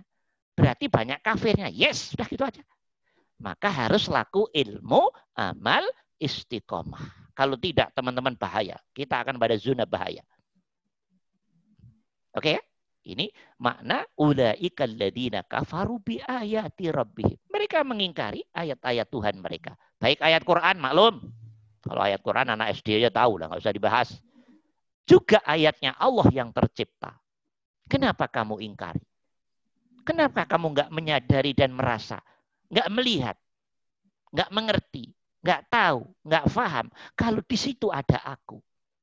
Aku liputi. Kenapa kamu nggak kenal-kenal aku kata Allah? Nah, karena kamu tidak percaya, tidak nyadar bahwa itu saya liputi berarti kamu. Ya, iya, mengingkari aku, mengabaikan aku. Nah, makna kafir itu mengabaikan sejatinya. Nah, dah. Masya Allah. Bi ayati rabbim. Walikoihi. Liko itu apa teman-teman? Ketemu Allah. Ini yang belum pintar ya. Yang belum pintar ini yang belum pintar yang belum pintar. Ketemu Allah nanti di akhirat. Ya Allah. Kalau di akhirat nggak usah diomong lah teman-teman. Nggak usah diomong. Sama-sama belum ngertinya juga kok. Ya. Oke, kita kita percaya. Yes, percaya. Tapi sejatinya yang dimaksud oleh Allah ketemu itu nggak harus nunggu di akhirat, teman-teman. Kalau diri kita mampu mendudukkan bahwa kalau melihat umpama ular, dirimu nggak melihat ularnya, Tetapi melihat dengan mata hatimu, telinga hatimu, lisan hatimu. Loh, ular begitu kan karena irodahnya Allah. Diri masuk ke rosok itu. Ular dengan gayanya, karakternya seperti itu, kan itu maunya Allah. Dirimu terus masuk ke rosok Allahnya, bukan ularnya maka hatimu ketemu Allah, tidak ketemu ular. Atau bahasanya dirimu melihat Allah lewat ular. Dirimu bisa ketemu Allah lewat ular. Nggak ketemu Allah mah nggak usah nunggu nanti di akhirat. Ngapain lama-lama ketemu Allah?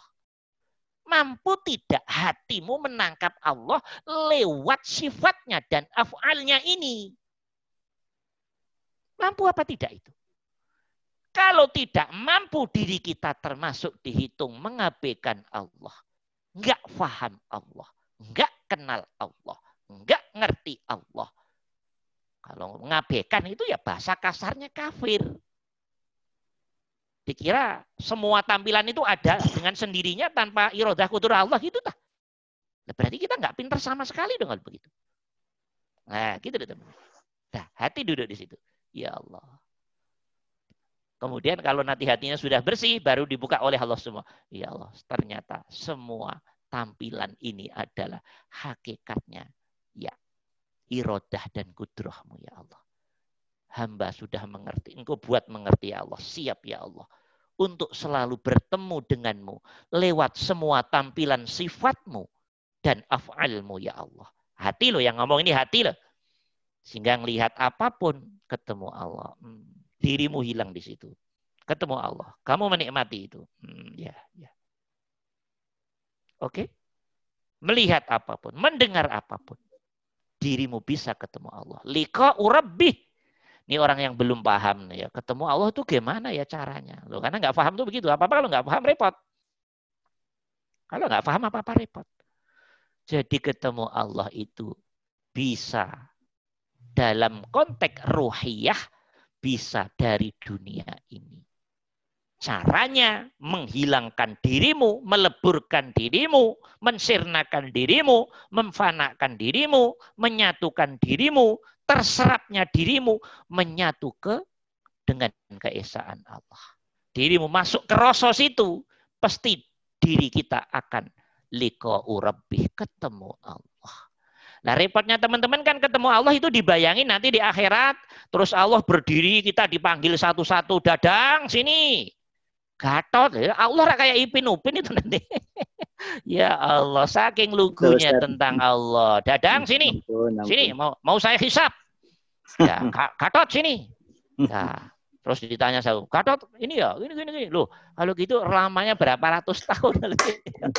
itu saking lugunya memahami Allah ya Allah. Jadi Allah dibayangin kayak boneka gitu tah.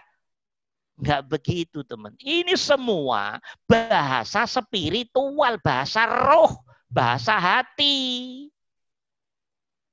Tapi diri belum pinter, maka wajah Arabuka wal malaku sofang sofa itu di juz apa ya? Tuhan eh, wajah Tuhanmu datang dan malaikat baris bersop-sop. Jadi kira Tuhan kayak komandan peleton itu. Tuh, Tuhan akan datang, siap gerak begitu. Enak aja. Terus malaikat baris gitu. Ya Allah. Begitu lugunya memahami Allah. Ya, tapi nggak apa-apa lah itu proses. Bukan begitu. Itu semua bahasa gambaran aja teman-teman. Itu bahasa gambaran. Bahasa gambaran. Ya. Jadi kalau Allah ditangkapnya lewat hati, roh, jiwa, bentuknya num uh, uh, me, me, menaiki roso tadi dengan kendaraan roso dan sadar itu. Kalau di duniamu sudah biasa ketemu Allah lewat hatimu, rohmu, jiwamu dengan kendaraan roso, totalitas roso dan sadar, dan dirimu kamu abaikan, kamu tenggelamkan, kamu sirnakan, kamu hilangkan, kamu fanakan dengan ketunggalannya Allah itu berarti dirimu sudah diperkenankan oleh Allah ketemu Allah dalam bentuk ruhiyah. Baru nanti paham arti makrifat itu nanti kalau teman-teman sering praktek ini. Jadi melihat apa pun harus tembus ke Allah. Kes. Diri nanti semakin hilang, fana. Hmm, ya, ya, ya. Kok bisa? Ini kok bisa loh ya? Kok diberi oleh Allah loh? Berarti teman-teman sudah menjadi bagian kekasihnya Allah. Orang-orang yang ya termasuk orang-orang yang dipilih oleh Allah menjadi excellent. Ya, derajat yang tinggi di hadapan Allah. Itu bukan kehebatan kita, itu rahmat Allah. Itu fadl Allah. Bisa dimengerti teman-teman?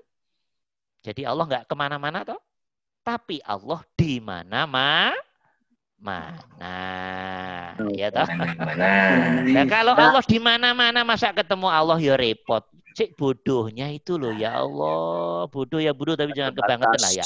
Iya ketemu Allah sambil nonton TV bisa ketemu Allah sambil uh, nyeboin anak bisa ketemu Allah sambil ya, apa saja bisa tinggal rohmu rohmu nuju ke mana hatimu nuju ke mana paham ya sekarang teman-teman Semakin jelas tuh Allah ngomong, ya ngapain ketemu aku nunggu nanti di akhirat. Kelamaan.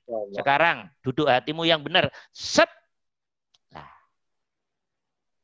Setnya itulah. Dirimu hilang. Set itu ah, berarti makna lika urabi. Nah, lika urabi teman-teman, ketemu Allah yang paling paling ini paling ini paling paling ini eh, pengalaman spiritual yang paling oke okay, itu sebetulnya kalah hakul yakin. Teman-teman dikir sirul asror atau mungkin dikir dua mungkin ya, tapi paling tidak dikir tiga lah. Nah, kemudian fana, kemudian di situ ada peristiwa, suara dari dalam hatimu, ya dirimu hilang, total hilang. Ada suara di dalam sono. Yang suara itu mengenalkan, ya saya ini loh Allah. Ya, ya saya ini loh Allah. Dirimu paham, dirimu nggak ngantuk, benar-benar sadar, tapi dirimu hilang. Tapi dalam hati sono ada peristiwa itu. Ya saya inilah Allah. La ilaha illa ana. Enggak ada. Selain aku enggak ada. Tampilan alam semesta ini selain aku enggak ada. Fa'budni. Karena itu menghambalah pada aku. Menghambalah pada aku. Jangan menghamba pada selain aku. Kok di hati teman-teman sudah ada peristiwa seperti ini dari dalam hati saat fana dikir sirul asror ada ada kefahaman lewat ilham seperti itu, berarti teman-teman sudah mengalami peristiwa namanya hakul yakin. Kalau sudah ngalamin peristiwa ini, oh tajam. Oleh Allah dibuat tajam. Melihat apa pun ketemu Allah. Dengar apa pun, oh, sadar langsung. Allah, Allah, Allah. Hujan turun, tak Allah. Jadi hati langsung dibuat, ditarik oleh Allah ke sana. Tinggal peristiwa itu teman-teman tunggu itu. Itu rahmatnya Allah. Nggak bisa dicepet-cepetin ya nggak bisa. Oke. Nanti waktunya datang akan datang sendiri. Dan jangan pernah melihat dirimu. Bahaya. Melihat diri itu sangat bahaya. Ya. Mudah-mudahan kita semua oleh Allah diberi eh, apa namanya suarul basirah ainul basirah dan terakhir diberi hakul yakin. Allahumma Amin. Amin. Kalau sudah hakul yakin teman-teman, hatimu di, di, dibuka oleh Allah, ya mata hatimu dibuka oleh Allah, sehingga tidak buta lagi. Semua apa yang kamu lihat jadi zikir, jadi uh, pertemuan dengan Allah. Ya, kalau sudah hakul yakin itu tadi, teman-teman diberikan oleh Allah. Semua apa yang teman-teman dengar, telinga hatimu langsung nyambung ke Allah. Dan berarti artinya teman-teman termasuk yang dipilih oleh Allah menjadi orang-orang yang sampai kepada Allah. Orang yang ma'rifah, orang yang ihsan. Berarti oleh Allah didudukkan kedudukan yang tinggi oleh Allah. Itu bukan dirimu, itu Allah. Awas, tidak boleh sombong sedikit pun. Lihatlah Allahnya, jangan lihat dirimu. Hati-hati, hati-hati. Siapa tahu nanti ada yang dikasih, hatinya belum ini bahaya-bahaya. Makanya harus diwanti-wanti benar peristiwa itu namanya hakul yakin. Ya, saya dulu nggak begitu percaya juga. Dulu saya nggak percaya begitu juga. Begitu oleh Allah ini kaget, masya Allah. Iya. Saya nggak mimpi, nggak tidur, sadar berzikir ini. Kok saya bisa hilang dan dalam hati ada peristiwa itu. Ternyata semua omongan para ahli ma'rifah, para arifin, ternyata benar selama ini banyak orang nggak percaya karena baru sampai belajar dohirnya saja, fikihnya saja. Ayo berhenti di fikih nggak akan maju-maju teman-teman. Dah itu saja mudah-mudahan ada manfaatnya. Alhamdulillah Rabbil Alamin. Jam berapa ya? Jam berapa ini? ya.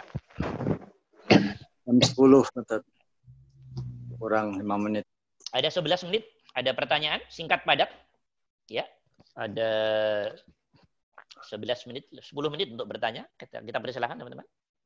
Ya, ayat ini ayat ini tolong teman-teman sering baca. Ayat ini sorong sering dibaca ya. Ayat ini tolong sering dibaca.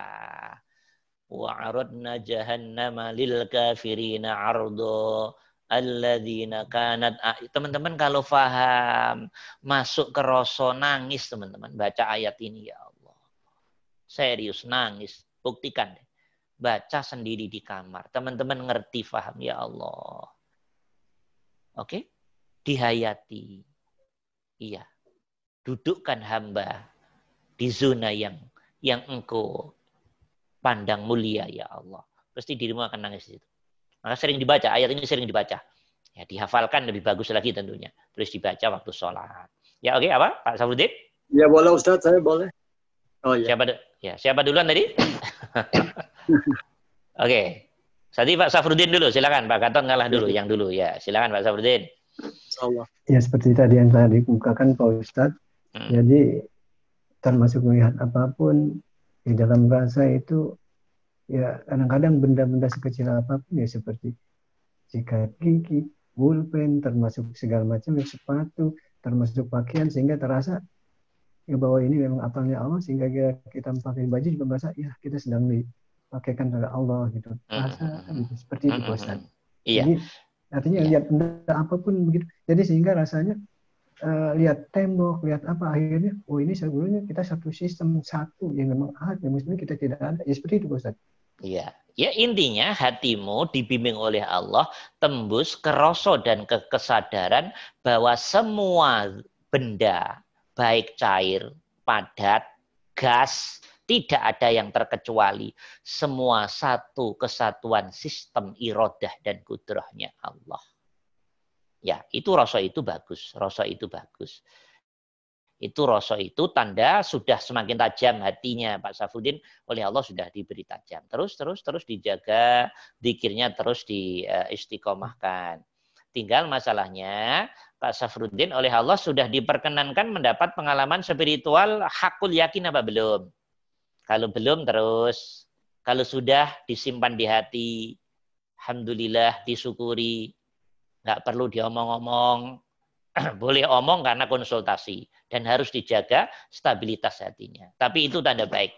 Kalau teman-teman sudah ada tanda-tanda rasa itu terus ditarik oleh Allah, semuanya ada rasa Allah, itu tanda baik. Itu tanda baik. Berarti Allah sudah ingin melepaskan diri kita keluar dari kekafiran dari melihat ayat-ayat Allah, dari mendengar ayat-ayat Allah.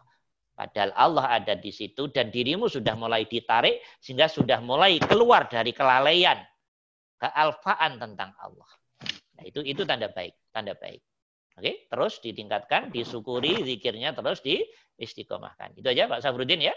Tinggal nunggu nanti Pak Safruddin oleh Allah sudah diperkenankan mendapat fadl rahmat eh, peristiwa hakul yakin apa belum? Kalau sudah alhamdulillah alhamdulillah. Bagus bagus berarti. Ya, kalau Jadi- belum Jadi Tunggu dari Allah. Da- da- dalam Hmm. zikirnya itu cuma saya ya belum yakin ya cuma apa karena saya sudah baca ayatnya atau Mm-mm. ini tapi ada ya ya itu sih ya Allah apa namanya eh, apa namanya seperti apa Ustaz bilang tadi ini ini apa namanya ya bahasa Arabnya tadi saya lupa ya kayak gini innani anallah la ilaha illa ana. iya Intinya Inna hatimu faham bahwa ya saya ana. ini loh Allah. Mm-mm. Itu saat fana, itu saat fana. Itu saat fana, Pak Safruddin? Halo, halo? ya sebenarnya ada ya artinya apa saya yakin apa enggak kan halo, halo. ya artinya dalam itu enggak karena kan Ja- semua itu Jangan yakin atau enggak? Jangan yakin atau enggak? apa saja Jangan yakin atau enggak? ya, Saya ya tanya dulu, saya- ntar, ntar. Saya tanya dulu. ya, Pak Safruddin mengalami peristiwa itu sedang dalam keadaan fana total apa tidak? Fana total, hilang diri.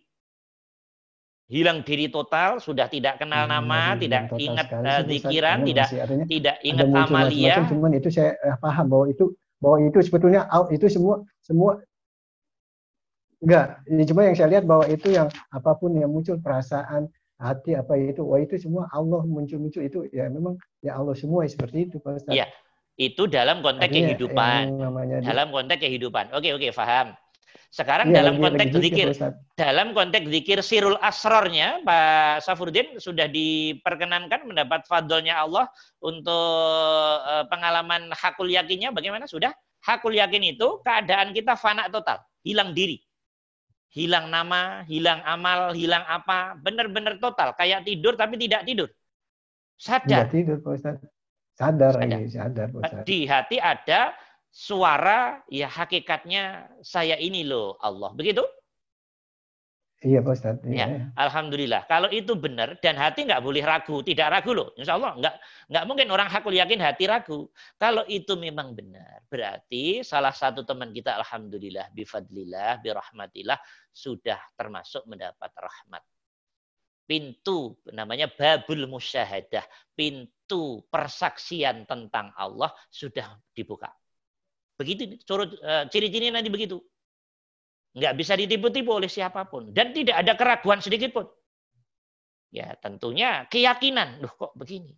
Berarti sama dengan yang dibilang Ustaz Agus. Ya, ya berarti itu udah. Cocok sudah berarti. Ya, itu tanda terbukanya pintu hati seperti itu. Setelah itu pelan-pelan akan diajarin oleh Allah. Semuanya kelihatan rasa sadar Allah. Alhamdulillah, Alhamdulillah. Ya teman-teman, step by step sudah saya lihat secara umum mulai ini ya. Tinggal dikirnya yang perlu ditingkatkan. Oke, bersyukur Pak Safruddin. Terus terus itu bukan Ya, siapa-siapa, tapi semua hanya Allah. Jangan melihat guru, jangan melihat diri, jangan melihat apa pun dan siapa pun. Ya, jangan terkecoh oleh siapa pun apa pun. Jangan terkecoh oleh ilmu, amal dan seterusnya. Lihatlah Allah. Ya. Oke? Ya. Memang se- seperti tambah seperti lagi zikir itu memang tiba-tiba ada suara apa tampil suara Pak Ustaz tapi itu saya tahu itu Allah begitu Pak Ustaz. Ya, intinya hatimu yakin. Hatimu yakin dengan kejadian itu dan diri faham bahwa itu hakikatnya adalah pengakuan Allah sendiri yang mengenalkan zatnya dirinya pada diri Pak Safruddin. Keyakinan hatimu itu loh harus ini Allah ini tadi.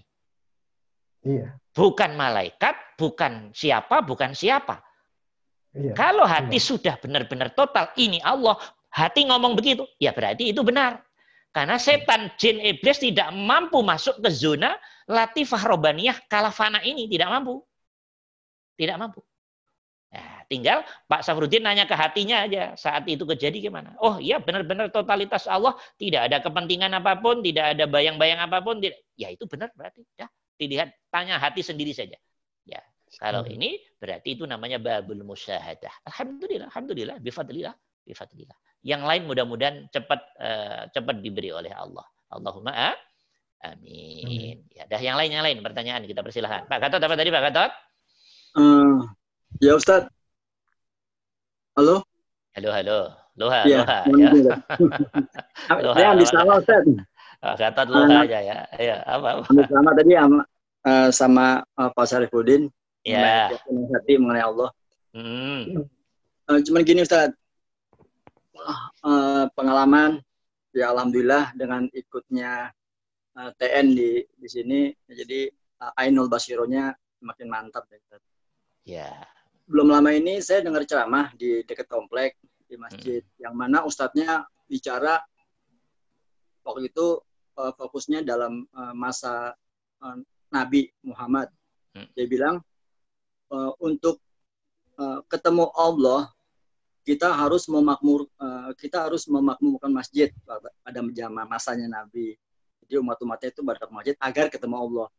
Dalam hati batin saya, ya Allah, segitu sempitnya tapi saya nggak nggak ini Ustaz. Padahal kan untuk ketemu Allah nggak hanya di masjid itu yang apa yang Ustadz sering katakan begitu kan. Hmm. 24 jam misalnya bisa ketemu. Hmm. Nah, itu saya punya ya alhamdulillah dia dengan ya, ikutnya apa mendengarkan apa mendengarkan ini jadi pencerahannya makin mantap dulu ya Ustaz. Ya, Jadi, lihatlah Allah, Ustadz yang, lihatlah yang Allah. ngomong Ya. ya, ya.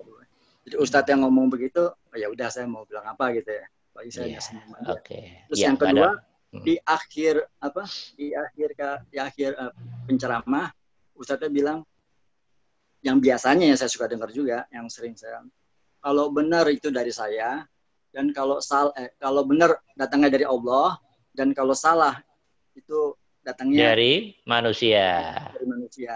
Dalam hati Ya. saya kan Ustadz mengatakan benar atau salah, baik atau buruk. Itu semata-mata karena Allah gitu. Ustadz. Ya, pertanyaannya apa ini? Ngajak berantem nih ya. Dalam enggak, dalam pandangan saya itu gimana Ustaz? Dalam pandangan Ini ngajak berantem ini. Iya, dah. Kalau Ya, ngajak berantem, ya kalau ngajak berantem hanya, kes- hanya, hanya ngelus dada aja Ustaz. ya, kalau ngajak berantem ke sini aja Pak Nah, Gatot, ya. jangan Ustaz, saya belum, saya belum kuat. Oke, jadi begini. Terima kasih Ustaz sebelumnya. Siapa pun orangnya ketika masih masuk zonanya zona fikih pasti akan berdalih ayat in kunta khairon faminallah wa in kunta saron famin nafsik. Ada ayatnya, ada hadisnya. Ini tidak salah, ini tidak salah. Memang levelnya masih level begitu. Itu ada hadisnya. Itu ada ayatnya, kata Allah. Kalau baik ya dari gue dong. Kalau jelek dari ente. Oke? Tapi kan sayang seribu sayang, kenapa sih belajarnya kok hanya berhenti di sini? Kenapa puluhan ayat yang ngomong bahwa takdir baik, takdir buruk gue semua. Kok nggak dilihat-lihat toh ya? Salah. Enggak, Ustadz itu baru sampai situ. Jangan disalahin.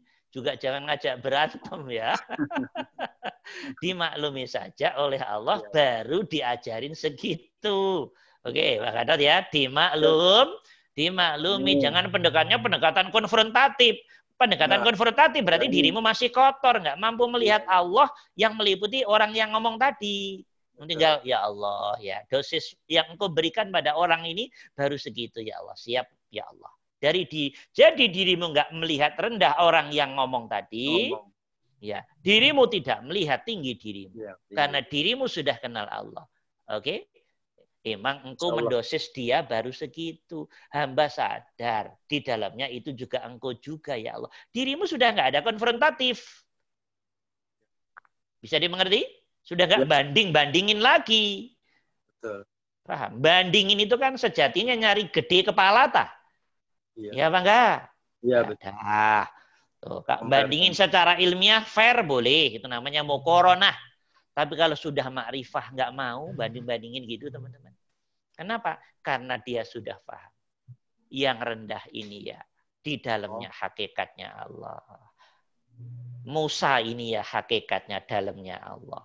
Fir'aun ini hakikatnya dalamnya ya ah, Iya, iya. Allah. Sudah selesai. Final toh? Final. Jadi hati makrifat, orang yang sudah makrifat sudah nggak ada pertentangan di hatinya. Jadi kasih tahu semua kok oleh Allah. Gitu loh Pak Dadot. Jadi sudah Iya, nggak ada di hatinya beran, berantem. Berantem itu kan masih potongan kita-kita ini. sudah berantem aja. Ustaz. Berantem aja deh Pak. Iya, Yang nggak apalagi- juga lagi. Apalagi Pak, Pak. Abra sama Pak Dadang. Wah, ayatnya kan begini, ininya tahun-tahun dalam begini. nggak nggak pernah ketemu. itu sedang dalam proses. Nggak apa-apa, nggak apa-apa. Jangankan yang Ya, begitu, yang kafir pun juga harus kita lihat Allahnya, jangan orang orangnya. Iya, Begitu lihat orang kafir, ya Allah. Irodahmu pada dia, ya Allah. Ketetapanmu pada dia, ya Allah. Ketika engkau belum atau tidak menolong pada seseorang, ya Allah. Jadi teman-teman sibuk melihat Allah yang meliputi orang kafirnya, enggak sibuk melihat orang kafirnya. Paham apa enggak toh ini? Dirimu sibuk melihat makhluknya, bukan Allahnya. Maka enggak ketemu Allah lewat orang kafir. Enggak ketemu lewat Allah dengan ustadz yang begitu-begitu tadi. Paham teman-teman? Bagaimana dirimu paham. bisa ketemu Allah lewat orang kafir, dirimu bisa ketemu Allah lewat orang musyrik? Bagaimana dirimu ketemu Allah lewat orang ateis? Bagaimana dirimu ketemu Allah lewat iya halaman hidup yang namanya orang komunis? Dirimu sudah tidak ego, semua harus Islam. Lu berarti yang jadi Tuhan dirimu dong. Emang Allah pengen semua masuk Islam? Allah nggak pengen. Allah nggak pengen tuh semua masuk Islam. Allah nggak suka. Semua Islam tuh nggak suka. Kalau hidup ini semua Islam, nggak nggak menarik teman-teman. Nggak menarik. Allah nggak mau itu. Allah mau potongan hidup kayak sekarang ini. Ada bab komunis, ada bab ateis, ada bab musyrik, ada bab kafir, ada kayak bab potongan kita ini nggak nggak jelas-jelas juga begini ya. ada potongan macam-macam. Allah pengennya yang macam-macam begitu. Mampu nggak dirimu ketemu Allah di situ? Kalau mampu, berarti teman-teman sudah ketemu Allah. Faham ini? Faham ini? Clear. Umi Cia, terakhir nanya Umi. Ya, pengantar tidur, Umi. ya, oke. Okay. Ya, kalau tidak ada, udah cukup. Nanti pertanyaannya kita kembangkan di uh, hari yang akan datang, teman-teman. Alhamdulillahirobbilalamin ya. Mudah-mudahan ada manfaatnya. Ya, pesan saya, pesan saya. Ayat ini sering dibaca, dihayati, ya, difahami. Dan kalau memungkinkan, ya, walaupun sudah agak tua-tua atau tua, dihafal. Ya, ya, ya. Apalagi yang yang muda-muda harus harus dihafal. Kemudian dibaca saat sholat Allahu Akbar. Oke. Okay. Oke. Okay. Mengerti? Dibaca. Wa'aradna jahannama. Loh. Teman-teman sholat kok masih nangis. Berarti sejatinya sholatnya masih ketemu makhluk. Nangisnya. Nangis, nangis itu ketemu makhluk. Nangis dalam sholat itu ketemu makhluk makhluk suara dan maksud ayat Quran tadi. Itu bagus tapi belum belum sampai Allah itu. Nah, kalau sudah sampai Allah, kamu sudah tidak menghirukan apa yang kamu baca. Lafat kalamullahnya, tidak. Lafat dan suara itu masih makhluk.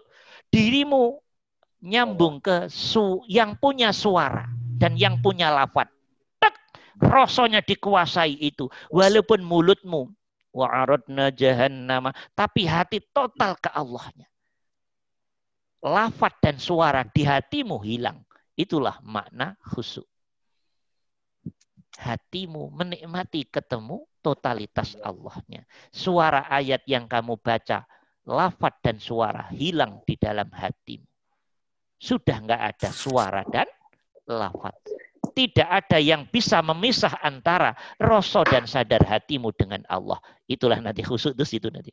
Oke, okay? alhamdulillah rabbil alamin. Selamat tidur teman-teman ya. Assalamakaikum warahmatullahi wabarakatuh. Waalaikumsalam. Waalaikumsalam warahmatullahi wabarakatuh. Terima kasih teman-teman.